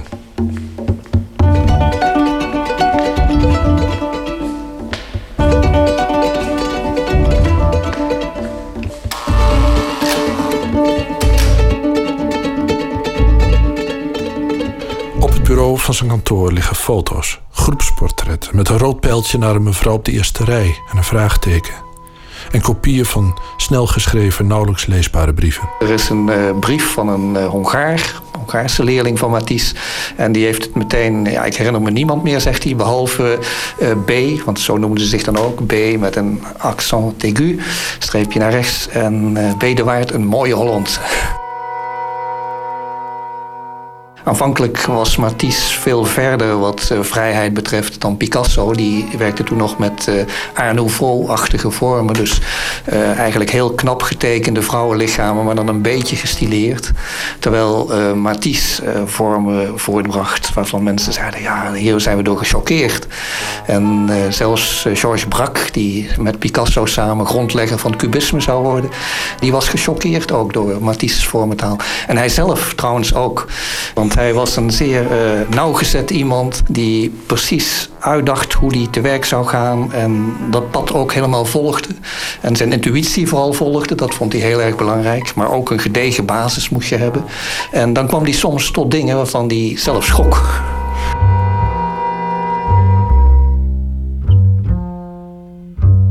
Het gekke is dan dat dat fauvisme eigenlijk maar twee jaar duurt. 1905 tot 1907. En Matisse uh, uh, beargumenteert dat zelf door te zeggen... het is eigenlijk een vrijheidsstreven geweest. En de grenzen van de vrijheid... die heb je op een gegeven moment vrij snel toch uh, verkend. Mhm. En in 1907 gaat hij juist veel meer hameren op terugkeer naar de klassieke bestudering van contouren en helderheid. De oude meesters. Matisse was een steen in een vijver. De reputatie die hij verspreidde was op het moment dat ze de uithoeken van Europa bereikten, wat hem betreft, al achterhaald. De fans die naar Parijs toetrokken om van hem te leren, hadden dus achterhaalde verwachtingen. Precies, dat was het grote misverstand. Uh, van begin af aan trok hij uh, jonge schilders, mensen die al een opleiding hadden gevolgd. Ook mensen van zijn eigen leeftijd zelfs, allemaal keurig gekleed. Maar die dachten dat ze daar uh, konden doorbreken als modernist, als fauvist op zijn minst. En het vreemde was toen, ja, Matisse liet toen eerst werken naar model. En na twee weken kwam hij eigenlijk pas kijken voor het eerst, om te kijken wat, wat waren hun vorderingen. Toen hij binnenkwam, was hij gechoqueerd. Hij zei niets, want hij zag alleen maar hele slechte pastiches van zijn eigen werk. En die leerlingen dachten dat ze het geweldig gedaan hadden. Dat ze ook meteen zouden doorbreken als modernist. Hij zei niets, hij liep weg en hij kwam terug met een gipsen afgietsel van een antieke kop. En hij zei: Zet jullie schilderijen allemaal met de rug naar de muur. En denk nou niet dat er nu iets verschrikkelijks gaat gebeuren, maar we gaan nu eerst tekenen leren. Die mensen in dat klasje, wat waren dat voor mensen? Waren deels eh, rijke amateurs, liefhebbers zeg maar, zoals eh, Sarah Stein. Sarah Stein had een gegoede Joodse familie getrouwd met Leo Stein. En dat was weer een broer van Gertrude Stein. Een grote kunstverzamelaar in Parijs. Hele grote kunstverzamelaars, well-to-do en ook modernisten bij uitstek. Zij, zowel in hun levenshouding, ze wilden de modernste gezondheidsdingen zien, de modernste technieken in huis hebben, modern interieur, alles modern. En ja, dat is de, de Belle Époque, zoals men het noemt. Hè. De periode begon eigenlijk al 1880 tot 1910, tot de Eerste Wereldoorlog. En uh, ook sport uh, was door intellectuelen zeer geliefd, had een hoge status. En uh, je ziet dan ook bijvoorbeeld dat Alfred Jarry, die schrijft dan een gedicht... waarin hij het leven van Jezus Christus vergelijkt met een bergetappe voor wielrenners. En ook seksualiteit. Want uh, je ziet dan ook dat ja, seks was in de 19e eeuw iets voor binnenshuis achter dikke fluwelen gordijnen. Uh, aan het eind van de 19e eeuw, begin 20e eeuw, zie je de associatie van uh, vlees, lichamelijkheid met zon. L'après-midi d'un faune van Debussy speelt zich buiten af. Die faune die opereerde buiten.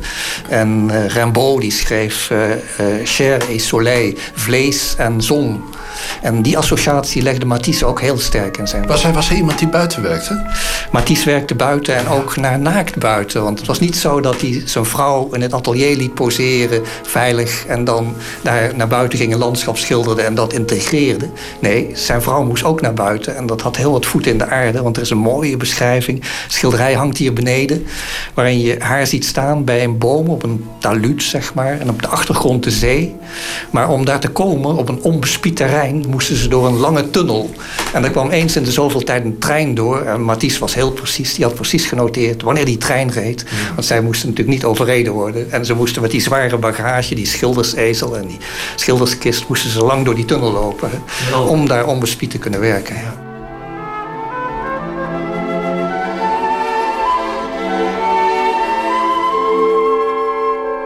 Kort geleden stuitte Maurice Rummens in de Franse Matisse-archief opeens op een brief van de Nederlandse B.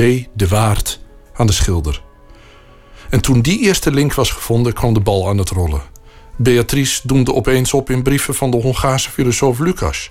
In opdrachten van Rielke, als echtgenoot van de schilder Leo Popper. Opeens was de onbekende Nederlandse overal tegelijk. Maar wie was zij?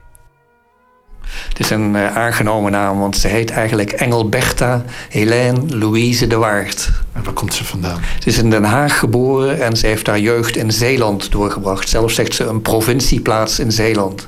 Dat, daar zal schande gesproken zijn dat zij is afgereisd naar Parijs... na deze uh, vunzige kunstenaarskringen. Ongetwijfeld. Ten meer als je weet dat uh, haar vader dominee was. En in haar brieven zegt ze herhaaldelijk dat haar vader zich grote zorgen om haar maakte. En dat, ze, dat hij gechoqueerd was en uh, dat het zo'n goede man was. Dat hij helemaal voor zijn parochie leefde. En dat hij zo graag zou willen dat zijn dochter een opleiding volgde en gericht aan haar toekomst werkte. Maar zelf zegt ze, ja, het is een, iets dat in me zit. Sinds mijn jeugd heb ik een sans lendemain, een vluchtigheid die ik niet kwijt ben geraakt. Maar kan jij je iets voorstellen bij een domineesdochter uit Zeeland die denkt... ik ga naar Parijs. ging er in die tijd een, een grote aantrekkingskracht vanuit? Uh, er zijn uh, heel veel kunstenaars uiteraard naar Parijs gegaan. Maar ja, je moest als meisje toch heel vrij gevochten zijn om die stap te durven nemen, denk ik. Nudisme, om maar wat te noemen, dat is ook in die tijd opgekomen. En als je de verhalen leest, is Beatrice vrij gevochten. En zal zij aan alles hebben meegedaan.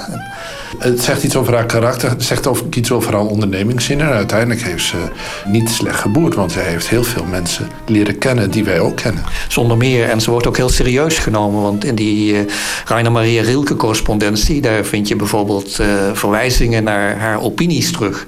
Daar wordt bijvoorbeeld gezegd dat uh, zij niets moest hebben van mystieke en zweverige zaken, of schoon zij domineesdochter was. Dat zijn opmerkelijke constateringen voor grote filosofen. Die namen haar dus echt serieus.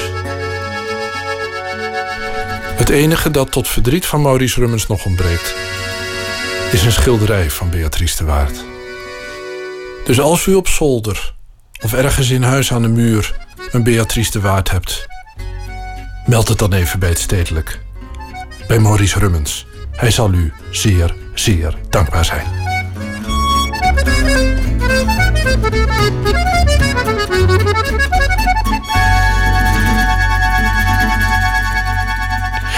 Een bijdrage van Matthijs Deen aan de vooravond van de grote Matisse tentoonstelling.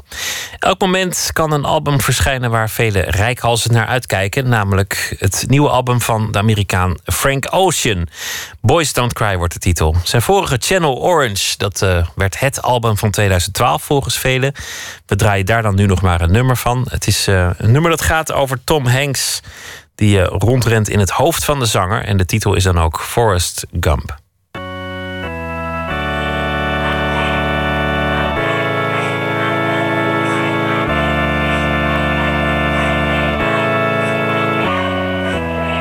Wanna see pom poms from the stands. Come on, come on. My fingertips and my lips, they burn from the cigarettes. Forrest Gump, you run my mind, boy. Running on my mind, boy. Forrest Gump. I know you're forest. I know you wouldn't hurt a beetle, but you're so buff and so strong. I'm nervous, Forrest. Forrest Gump. My fingertips and my lips, they burn from the cigarettes. Forrest Gump. You run my mind, boy. Running on my mind, boy. Forrest Gump, I saw you game, Forrest. I was screaming, run 44. But you kept running past the end zone. Oh, where'd you go, Forrest? Forrest Gump. My fingertips and my lips, they burn from the cigarettes. Forrest Gump, you run my mind, boy. Running on my mind, boy. Forrest Gump, Forest Green, Forest Blues. I'm remembering you. This is love, I know it's true. I won't forget you. You, you, oh, you, you. It's for you forever.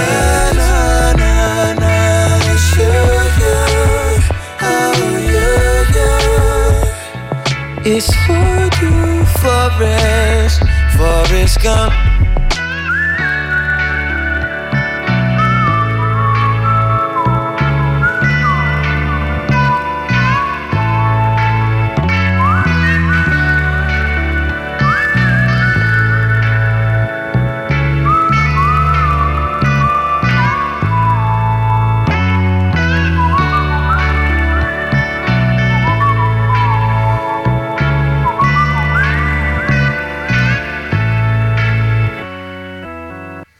Forrest Gump van Frank Ocean was dat. Nooit meer slapen. Van het uh, wielrennen tot aan het snel wandelen. Vele sporten werden al geplaagd door de doping. Maar nu is het ook ineens aan de hand in de wereld van de computerspelletjes. Een dopingschandaal op het ISL One toernooi in Keulen. Daar zullen de mensen voortaan getest moeten worden op verboden middelen. Maarten Westerveen is onze nachtcorrespondent. Goedenacht, uh, Maarten. Goedenacht. Ja, ook uh, bij de computerspelletjes doping is er dan niks meer heilig. Helemaal, helemaal niks. Het is bijna geruststellend, maar e-sports, want zo noem je ze eigenlijk, competitief gamen, dat is een uh, hele lucratieve melkkoe geworden. En um, spelontwikkelaar Rami Ismail, die is een van de twee oprichters van het vooraanstaande gamesbedrijf Vlambeer, zit hier in Nederland, vertelt wat je bij zo'n zo'n zo'n zo'n toernooi moet voorstellen. Op echt grote toernooien is het, is het alsof je naar een wereldkampioenschap gaat. Uh, je hebt natuurlijk heel veel verschillende games, wat natuurlijk heel erg verschillend is met verschillend is van voetbal of, of andere sporten. Maar per grote competitieve game heb je, je, heb je de eigen helden, de eigen uh, favoriete liefhebbers. En, en je ziet ook per game hele andere subculturen ontstaan in e-sports. Een, een, een vechtspel Street Fighter heeft een hele andere community dan een spel als Dota, wat meer een teamsport is. Maar het voelt, het voelt allemaal wel heel erg um, echt. Het voelde, ik, moet je heel eerlijk zeggen, het is het, een, een goed groot toernooi heeft diezelfde, um, diezelfde elektrische spanning die je hebt als je een hele belangrijke, echt een hele, ja, toch een heel belangrijk sportevenement inloopt. Een belangrijk stof, een sportevenement, zegt hij, zo'n toernooi uh, computerspellen. Ik kan me er weinig bij voorstellen, Maarten. Wat moet ik me voorstellen bij een, een toernooi in computerspelletjes? Hoe ziet dat eruit? Uh, je hebt eigenlijk twee takken daarin. Uh, net zoals je een, een, voetbalfinale is er een publiek dat daar zit en een publiek dat daar omheen kijkt, ergens ver weg. Uh, hier uh, bij het uh, toernooi in Keulen is het zo dat je een arena voor 15.000 toeschouwers hebt. En een, een prijzenpot van 250.000 dollar. Dus het, het, is niet niks. En dan zijn er ook nog miljoenen mensen die via allerlei streams deze wedstrijden volgen. Het is echt um, het is een hele serieuze zaak. En ja, daar kan je om lachen. En dat doe ik af en toe ook wel een beetje. Maar ik weet nog of je kan herinneren hoe uh, Raymond van Barneveld uitgelachen werd... toen hij allerlei mental coaches in de arm nam. Nou, dat is niets vergeleken met e-sports. En um, gamejournalist Harry Hol die heeft er ervaring mee... en die vertelt van een zo'n trainingskamp. Ik was in Taiwan en ik was daar bij een bedrijf die uh, een professioneel e-sports team sponsorde. En wat ik daar bezocht was de training van een professioneel StarCraft team. StarCraft is een strategiespel waarbij uh, je een, uh, een, een, leger opbouwt en daarmee het leger van de tegenstander moet proberen uit te schakelen. En wat ik zag was een trainingssessie waarbij ja, eigenlijk net als bij voetbal, er, er werden oefenpotjes gespeeld, maar op zo'n hoog niveau dat, dat je bijna de vingers niet meer zag bewegen. Zo snel gingen ze over het toetsenbord heen. En de, de, de, er wordt ook letterlijk gekeken hoeveel kliks je per seconde, hoeveel acties je per seconde kunt uitvoeren in zo'n spel om, om goed genoeg te zijn. En ik ben een leek op dit gebied. Ik speel spelletjes voor mijn lol. Ik ben zeker geen competitieve gamer. Maar als je dan ziet hoe vaardig en op, op welk niveau zo'n spel wordt gespeeld... dat is totaal andere ervaring dan wanneer iemand van zijn hobby onderuit gezakt met een zak Doritos een spelletje aan het spelen. Maar goed, doping. Is er daadwerkelijk een schandaal geweest? Zijn er mensen uh, betrapt op het gebruiken van doping? En wat gebruik je dan eigenlijk om computerspelletjes beter te doen? Uh, heb jij zelf ervaring met computerspellen? Ja, jawel wat. Maar ook weer niet, niet op het niveau dat ik er doping voor nodig had. Nou ja, op zich, wat het belangrijkste is, je reactiesnelheid. Hè? Je, je, de oog-handcoördinatie die moet optimaal zijn. En ja, uh, er zijn mensen gepakt als in... ze, zijn, uh, ze hebben eigenlijk een mond voorbij gesproken. Want, uh, de gamer Corey Friesen, een Canadees... die gaf toe Adderall te gebruiken. En dat is een heel erg stevig middel voor ADHD-patiënten. En die hebben het nodig om zich te kunnen concentreren. Nou ja, e-sportatleten gebruiken dat om dus op het puntje van hun reflectiesnelheid te zitten. En hij was er ook heel openhartig over. Hij zag het probleem ook eigenlijk niet. Hij zei, ja, ik gebruikte dat om ons team te helpen. En iedereen gebruikt het in deze industrie. En dat kwam voor Harry niet als een verrassing. Tuurlijk, want het is. Uh, er zijn inmiddels mensen die per jaar uh, honderdduizenden dollars verdienen met e-sport door te spelen. Die ervan leven ook. Dus ook die, die er minder mee verdienen, maar die er wel van leven en die van toernooien leven. En die dus in een professioneel en competitieve omgeving zitten. Met, en daar is geen verschil tussen mensen die dat, spel, die, die dat soort spellen spelen in kampioenschappen of die in andere sporten bezig zijn. Alles wat jou een, een, een, een edge geeft, een klein voordeel op de tegenstander, dat is natuurlijk dat, dat, dat is verleidelijk. En daarin uh, verschilt e-sport natuurlijk niet van andere sport. Waarom gebruikte Lance Armstrong doping? Omdat hij wilde winnen. Er waren heel veel belangen, zowel zijn ego als het geld. Ja, dat geldt voor e-sport ook. Dat wil niet zeggen dat alle e-sporters doping gebruiken, maar het is een beetje naïef om te denken dat omdat het dan over een computerspel gaat, dat mensen dan niet zoeken naar voordelen. Ja, het begint al een beetje te lijken op de, de Tour de France. Zijn dat ook de, de tafereelen die ons te wachten staan bij, bij deze toch wat nieuwe sport?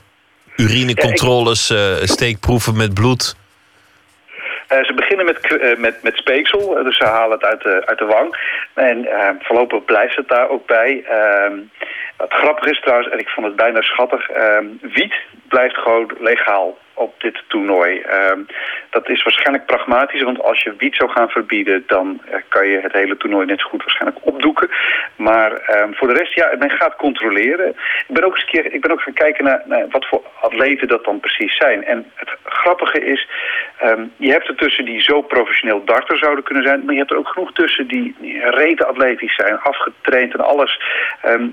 De e-gamer is een heel divers soort in ieder geval. Um, maar in ieder geval, het, ja, het klinkt marginaal en dat is het ook nog. Maar die, de, de, het publiek groeit, de sponsorgelden groeien, de aandacht ervoor groeit. En um, ook binnen die trends zijn er weer kleinere trends die um, Rami Ismail van Vlambeer ontdekt. Wat nu denk ik echt een verschil aan het maken is, zijn de commentators.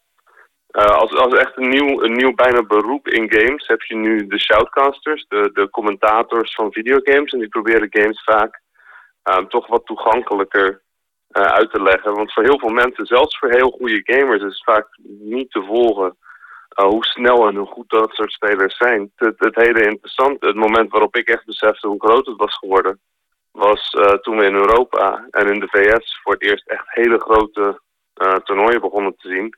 Ja, de eerste keer dat iemand de International won.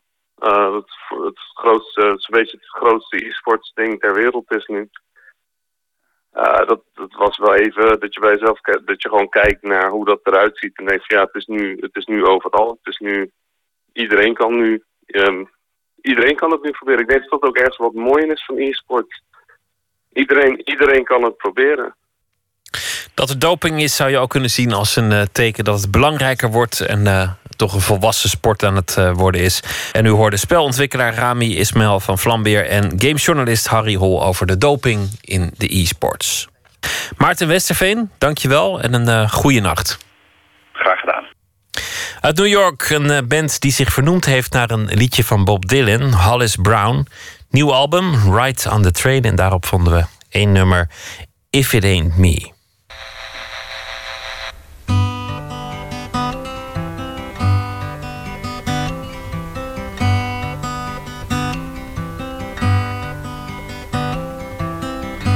Sometimes, baby, don't you find that the best things in life they fly? Well, how come they leave?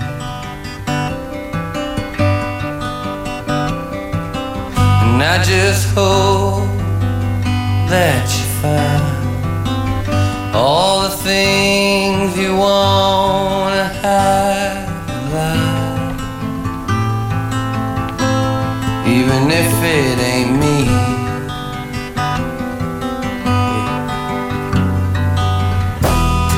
Cause if it ain't me, oh, you know it ain't you. The word must it be?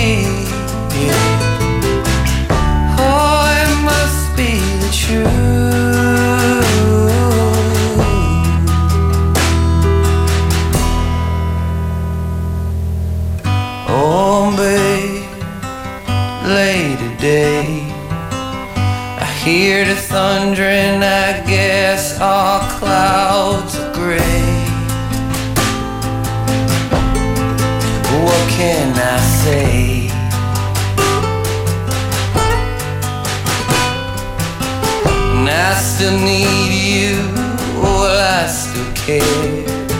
I still remember.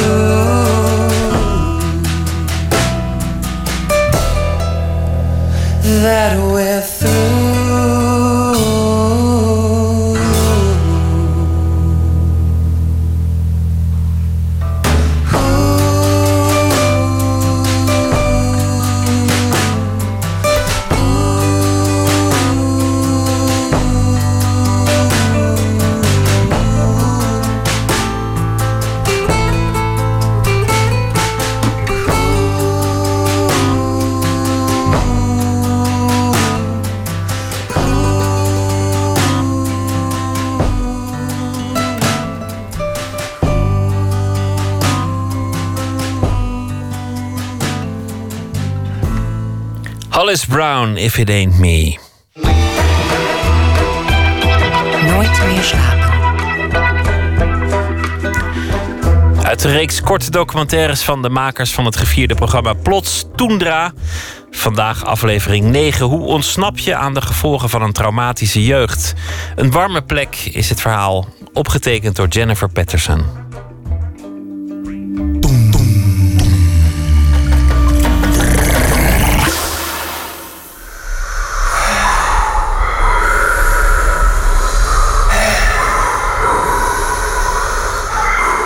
The stuff that you've been holding, that you've been carrying in your life.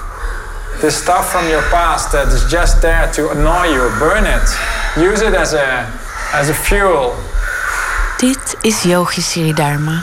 Good. Hij zit op de grond in een zaal vol mensen, heeft een baard en is geheel gekleed in het wit, met een witte tulband.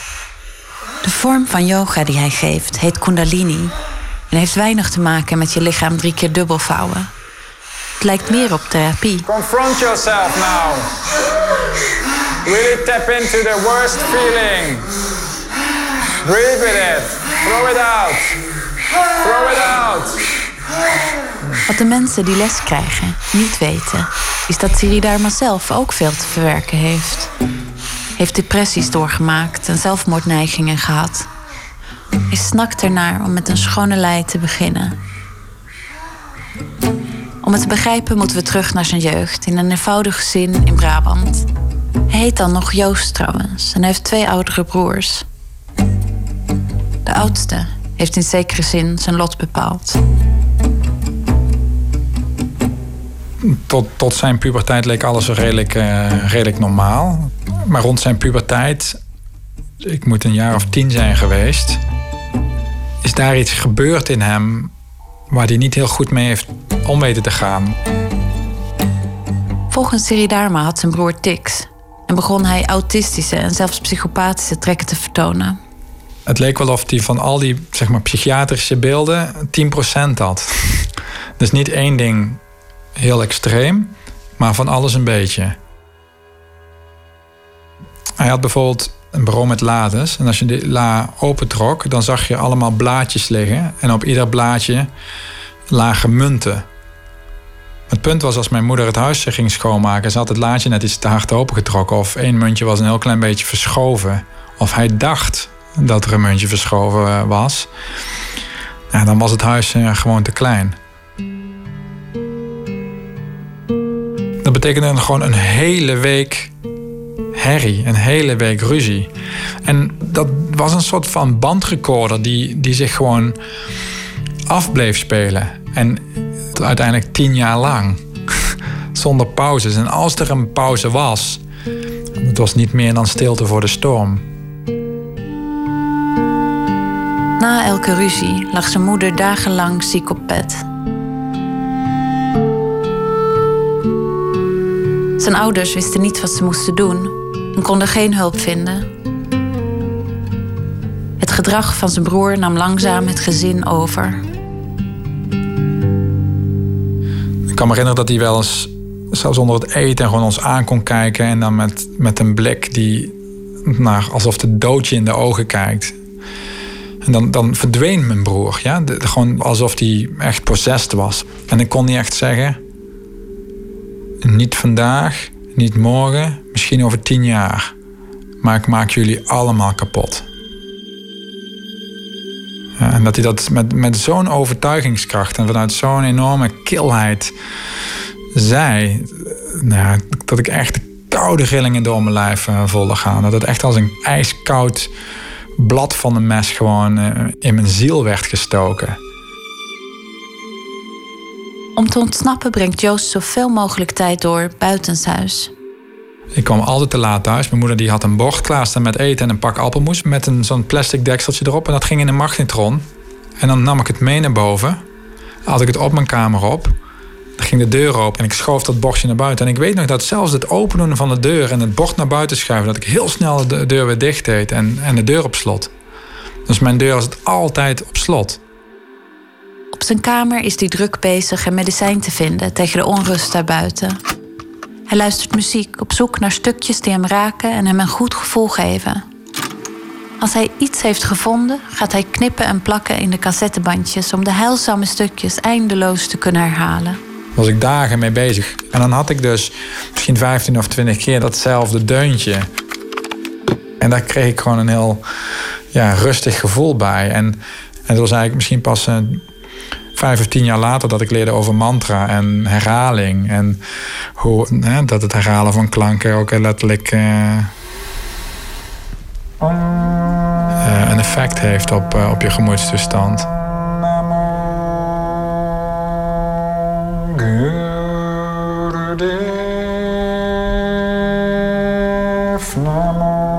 Zo klinkt hij nu als hij een mantra zingt.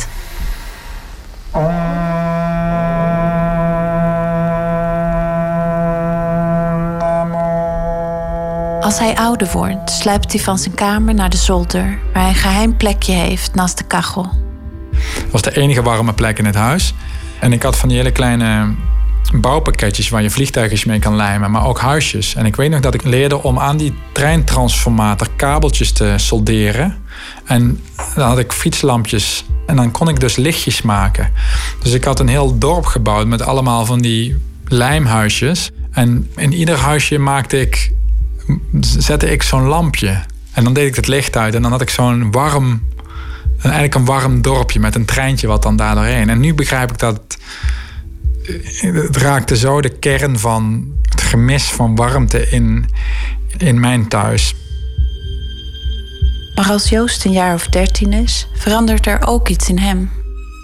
Ik denk een periode van zes jaar dat ik gewoon niet heb gelachen. Dus mijn wenkbrauwen waren altijd gefronst. En mijn kaken zaten op elkaar en mijn gezicht was zo dik. Mijn gezicht waar zoveel opgekropte boosheid zit. En elk weekend was er wel iets. Uh, bijvoorbeeld dat ik met flink wat uh, drank in mijn lijf uh, naar huis zwalkte. En dat ik gewoon met mijn, met mijn vuisten zo over een hele straat, zeg maar 100 meter, dat ik gewoon met mijn vuisten zo over de muren liep. En dan zat ik ochtends aan, aan tafel en gewoon, ik was keihard in die tijd.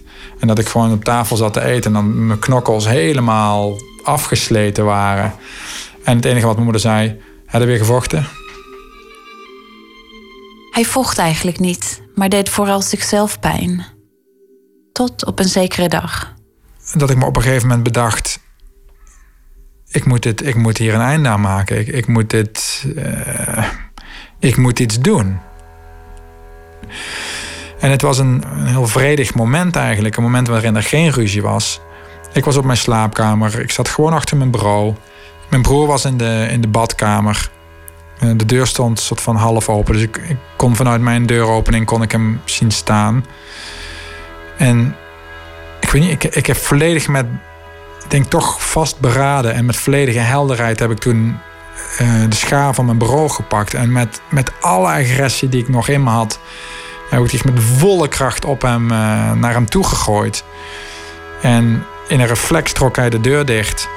In de schaar zat, nou, kwam in de deur terecht, echt precies ten hoogte van zijn slaap, van zijn hoofd. En zat dwars door de deur heen.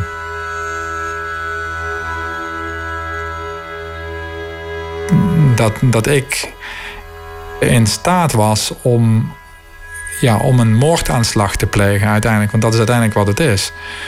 Als het mis was gegaan, dan, dan had ik mijn broer waarschijnlijk vermoord. Ik kan me niet voorstellen dat, dat die schaar niet dwars door zijn schedel heen was gekomen. De ouders van Joost zijn niet onder de indruk. Er werd niet meer serieus ingegaan op dit soort gebeurtenissen. Bedoel, in iedere deur in het huis zaten gaten. Uh, mijn moeder plakte er gewoon een. Uh, we zaten vroeger allemaal bij de hockeyclub en hadden van die ronde stickers. En die hadden ongeveer, die waren net iets groter dan het gat, zeg maar. En mijn moeder die was gewoon automatisch. Ze had dat weer een gat. Ze vond het wel vervelend, maar het was gewoon de sticker op het gat en dan met een rolletje eroverheen. En dan was het gewoon weer gedicht. Siridarma is zich er pijnlijk van bewust dat er ook in hem gaten zitten die gedicht moeten worden. Ondanks dat hij andere mensen helpt bij het vinden van rust en richting in hun leven, zijn zijn eigen problemen niet opgelost. Hij merkt het vooral in de relaties met vrouwen, die daardoor op niets uitlopen.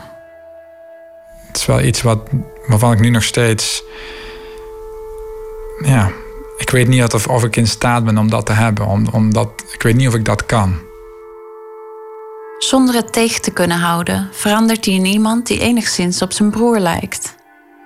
In mijn lichaam voel ik een soort van kilheid opkomen en dan weet ik, het is alweer te laat. En voordat ik het weet, beïnvloedt het mijn gedachten, beïnvloedt het mijn energie, mijn hele gedaante wordt gewoon kil.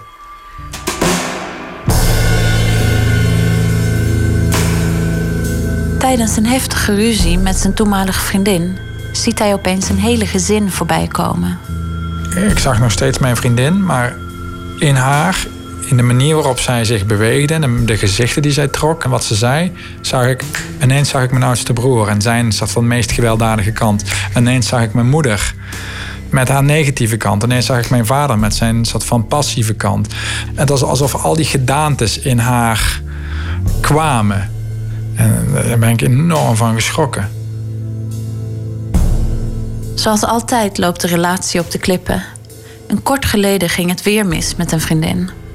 Waar ik zo graag uh, mee verder wilde. En, en zelfs geloofde dat het misschien deze keer wel uh, zou lukken. Wat uiteindelijk, ja, wat uiteindelijk ook niet ging. Wekenlang ligt hij in bed en kan maar één ding denken. Hoe ga ik mezelf van mijn leven beroven? Want ik kroop ook letterlijk door mijn huis heen met snot en tranen overal. Een hele periode waarin ik echt niet meer wist of ik er ooit uit zou komen. Dat ik echt dacht van, dit, ik ga belanden nu in een psychiatrische inrichting. Daar was ik ontzettend bang voor, met paniekaanvallen. En um, totdat ik zo leeg was, dat het, dat het eigenlijk niet meer uitmaakte.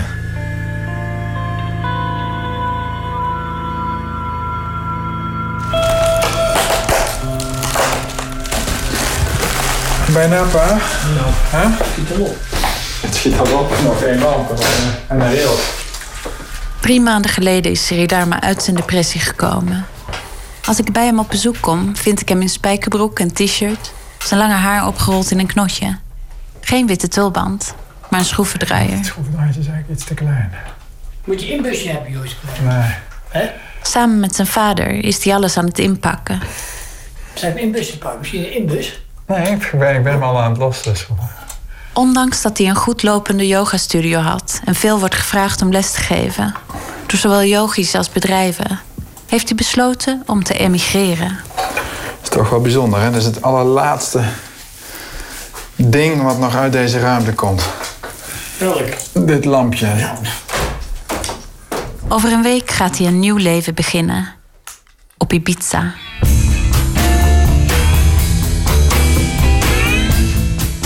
Siridharma neemt zijn hele inboedel en zijn verleden mee. Tegelijk hoopt hij op Ibiza iets te vinden wat in zijn jeugd juist ontbrak. Door wekenlange yogacursussen te geven aan vaste groepjes mensen, hoopt hij dat er een bijzondere sfeer zal ontstaan. De sfeer waarin we voelen dat we allemaal onderdeel uitmaken van, van hetzelfde gezin. Uiteindelijk is de enige manier waarop ik, waarop ik dicht bij dat gevoel kom, is natuurlijk als ik dat creëer in mijn omgeving.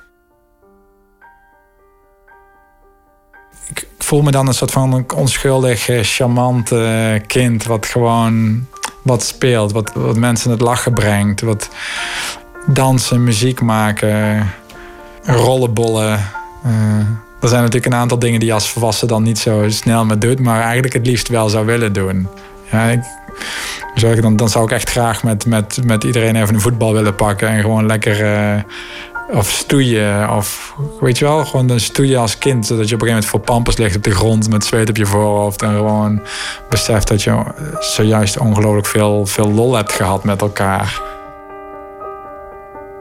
Het is net alsof ik op zo'n moment pas, dan ben ik eigenlijk pas weer in staat om die verloren jeugd, zeg maar, om die te herleven, om, om dat weer op te pakken.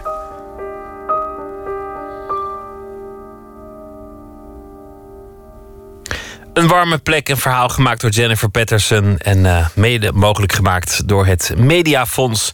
U kunt zich abonneren op de podcast van Toendra via iTunes. Dichter Niek de Vries die draagt deze week elke nacht een verhaal voor, een van zijn favorieten. En uh, we gaan luisteren naar het gedicht De Zoon en de Zee van Jan Glas, voorgedragen door Niek de Vries.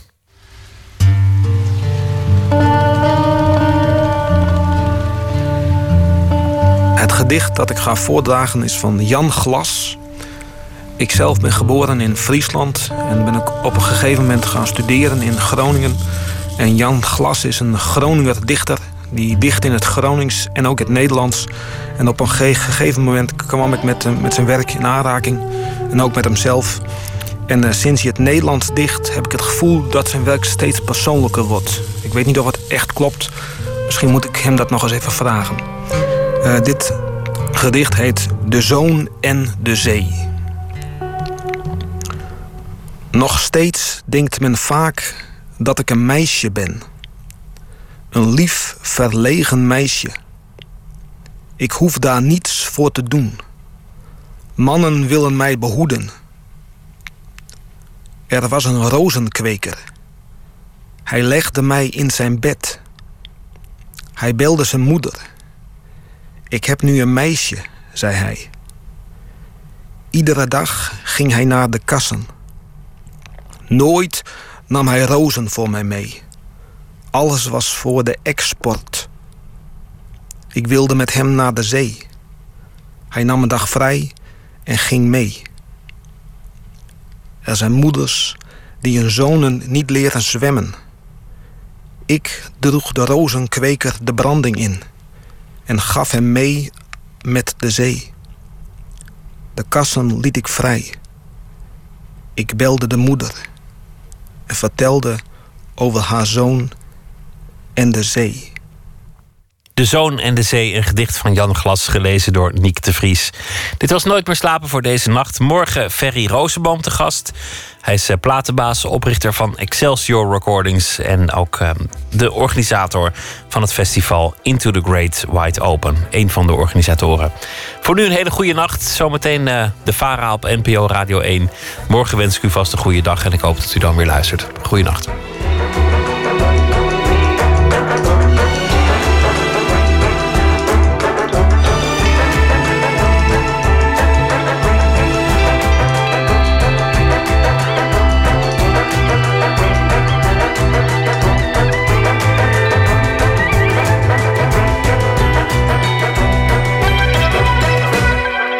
Radio 1, het nieuws van alle kanten.